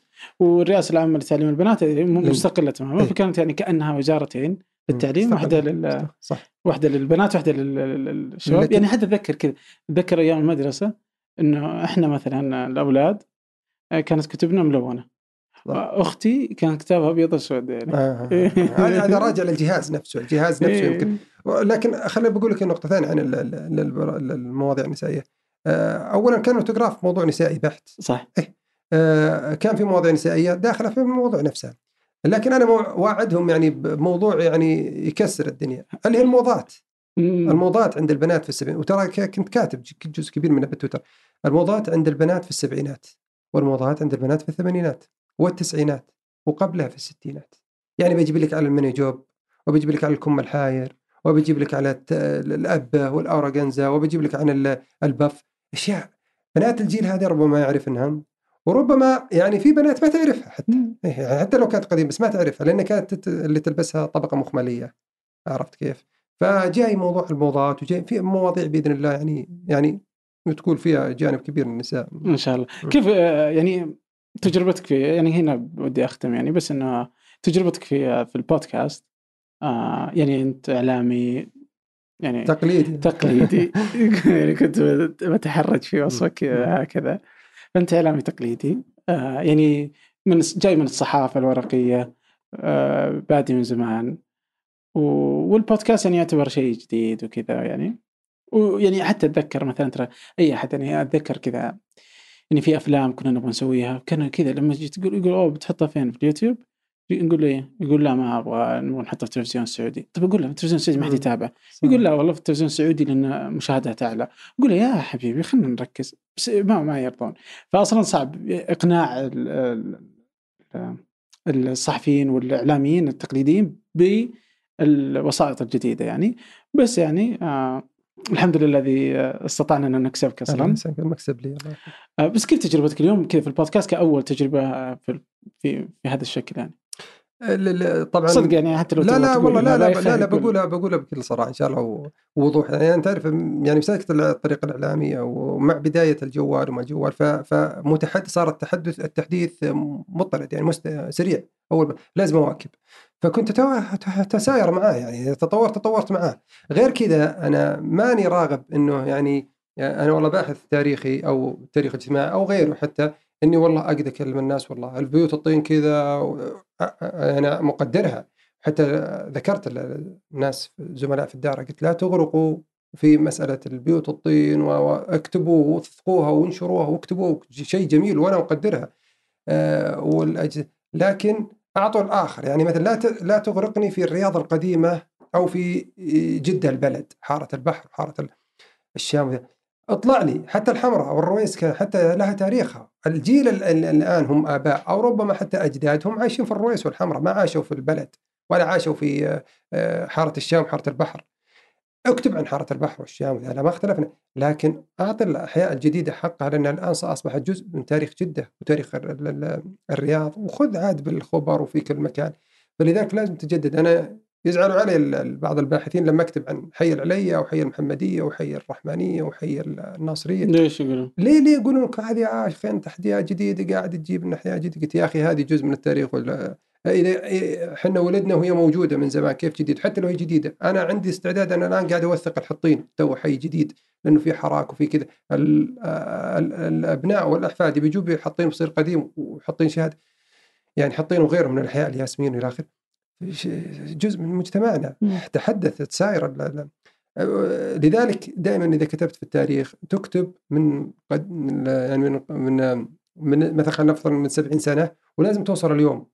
فحتى كانت صفحتي في جريده الرياض بين زمنين فمضطر إني أكتب لك الجوال من أول ما بدأ لما وصل لك آخر ما وصل لك الجوال. مم. أذكر اني يوم أكتب جريده الرياض عن الاتصالات وصلت ذيك اليوم كانوا الناس توهم طايحين في ال BlackBerry وصلت إنه هو كان الفتح المبين والآن الناس تراسل شات وزي كذا بال- في ال BlackBerry الآن أنا مع مازن جبت أشياء بعد ال BlackBerry فلازم أتطور مع ال ال بالعكس أي قناة توصل للمعلومة للجمهور أنا أسلكها بإذن الله بتفيد. وأنا حقيقي يعني بالأول استشرت اول ما صار بيننا حديث قبل كم سنة استشرت. اللي تفاجأت فيه إني أنا يعني كان عندي قصور في المعلومة هذه والله أذكر كان زميلي عبد الحركان قال لا وينك أنت يعني يعني رائج سوقه رائج وغير كذا متابعين بشكل كبير مرة. وعاد عشان يدعم لي الكلام آه، كلم لي أخوه على طول وأعطاني التليفون. أخوه طلع عاد مؤيد أكثر يعني ومتابع يعني للبودكاستات كلها يبدو لي يعرفها كلها ويفصل لي وذا. فكتبت يعني بس إذا كان يعني أنت زي مثلا تحضر مثلا آه، يعني آه، جلسة نقاش أو ندوة وتلقى اثنين غير لما تحضر تلقى 300 فارق. فأنا قلت إذا كان في فائدة لي وللزملاء نشر المعلومات هذه فبالعكس فلقيتكم بالعكس. يعني أنتم متفوقين على قنوات والله ما ما أقول متفوقين على يعني أنا الآن لما أكتب جريدة ما حد قاري. لما بطلع معك أوه بشوف عدد وين؟ فارق يعني أنت لازم تواكب الزمن حتى في معلوماتك وحتى في طرحك الناس لا توقف على صحيح انت تحن على فترة معينة ما اختلفنا بس الناس تحن يحنون لمراحل غير المرحلة اللي أنت تحن لها اكتب لهم يا أخي لا تكتب لنفسك. فلذلك أنا دائما أقول للإعلامي عندي رسائل حتى وضعتها في التويتر سلسلة كاملة ثريد كيف الإعلامي يعني ودورك يا الله يعينك عبد الرحمن كيف ال- ال- الم- المذيع قابل ضيفه؟ وكتبت فيها يعني شيء كثير يعني من خلاصة تجربة. فنفس الشيء الضيف يعني أنت تكتب للناس ما تكتب لنفسك. أنت حتى لو كنت حنينك للمرحلة هذه لكن اكتب لهم هم هم متعطشين يسمعون. وأرجو أن بإذن الله أن قراء مستمعينك هنا أو حتى مشاهدينك في البرنامج هذا انه يكونوا مستمتعين في الحديث هذا. يعني أرجو من الله سبحانه وتعالى أن يكون أنا أفدتهم. ممكن هذا والله أعلم الله أنه هذا الهدف الأول. لا لا والله يعني حتى وأنا يعني إحنا نحضر حتى قبل اللقاء على طول. فكنت أسأل كذا في مواضيع معينة فكنت تقول أنا ما أبغى أتكلم عن نفسي. أنا ودي إنه نقدر نفيدهم ما استطعنا حتى دائما يعني مع مازن وفي في بدايات حتى نقاشاتنا على أشياء غيرتنا وقبل حتى إنه يتسمى. يعني كان هذا همك فاتوقع بإذن الله إن الكل يعني مستمتع وإنه مفيد بإذن الله كل ما تقوله. حسابك موجود على تويتر. يزعلك لما مازن يحذف نص الكلام؟ لا والله القراء اشوفهم زعلانين. آه. لا القراء دائما يعني وأنا أنا أهاج- ما تتصور كيف الهجمة علي في الخاص طبعا. إيش؟ ليه ما ذكرت كذا ليه ما ذكرت قلت والله ذكرته. بس مازن حذف والله ذكرته لكن أنا أحترم دائما أي شركة أعمل فيها. إن أقول إنهم طبعا لهم سياستهم ما أملي أنا عليهم هذا سياستهم وخطهم. فهم يعني الآن اخت... يعني اخت... اختزلوها مثلا في ال... يعني لو سجلنا ساعة اختزلوها في ثلث ساعة. ربما بعدين تصدر في يوتيوب تصدر في مكتوبة ما أدري يعني لكنها هي الموجودة يعني موجود المادة العلمية إي لا لأنه. يشتغل عليها. ثمود ومازن والوليد وأكثر من واحد في الأخير إنه عندنا 20 دقيقة لكنه نفرغ كل النص المحتوى الحمد وإن شاء الله نقدر نستفيد حتى من المحتوى الثاني وهذه ما راح ينحذف منها ولا حاجة بإذن الله مالك. إن شاء الله يعني فنجان دائما أحسن من لا، لا، لا لا يعني عشان. كذا أنا قلت أشياء. غيرتنا ذولا مالك. شكرا منصور شكرا لكم شكرا لي خلف الكاميرات وفي التحرير محمد نادي في الهندسة الصوتية محمد الحسن وفي إدارة إذاعة ثمانية مازن العتيبي وفي مراجعة الحلقات لفنجان ريما طلال هذا فنجان أحد منتجات شركة ثمانية للنشر. ننشر كل الإنتاج بحب من مدينة الرياض. الأسبوع المقبل ألقاكم.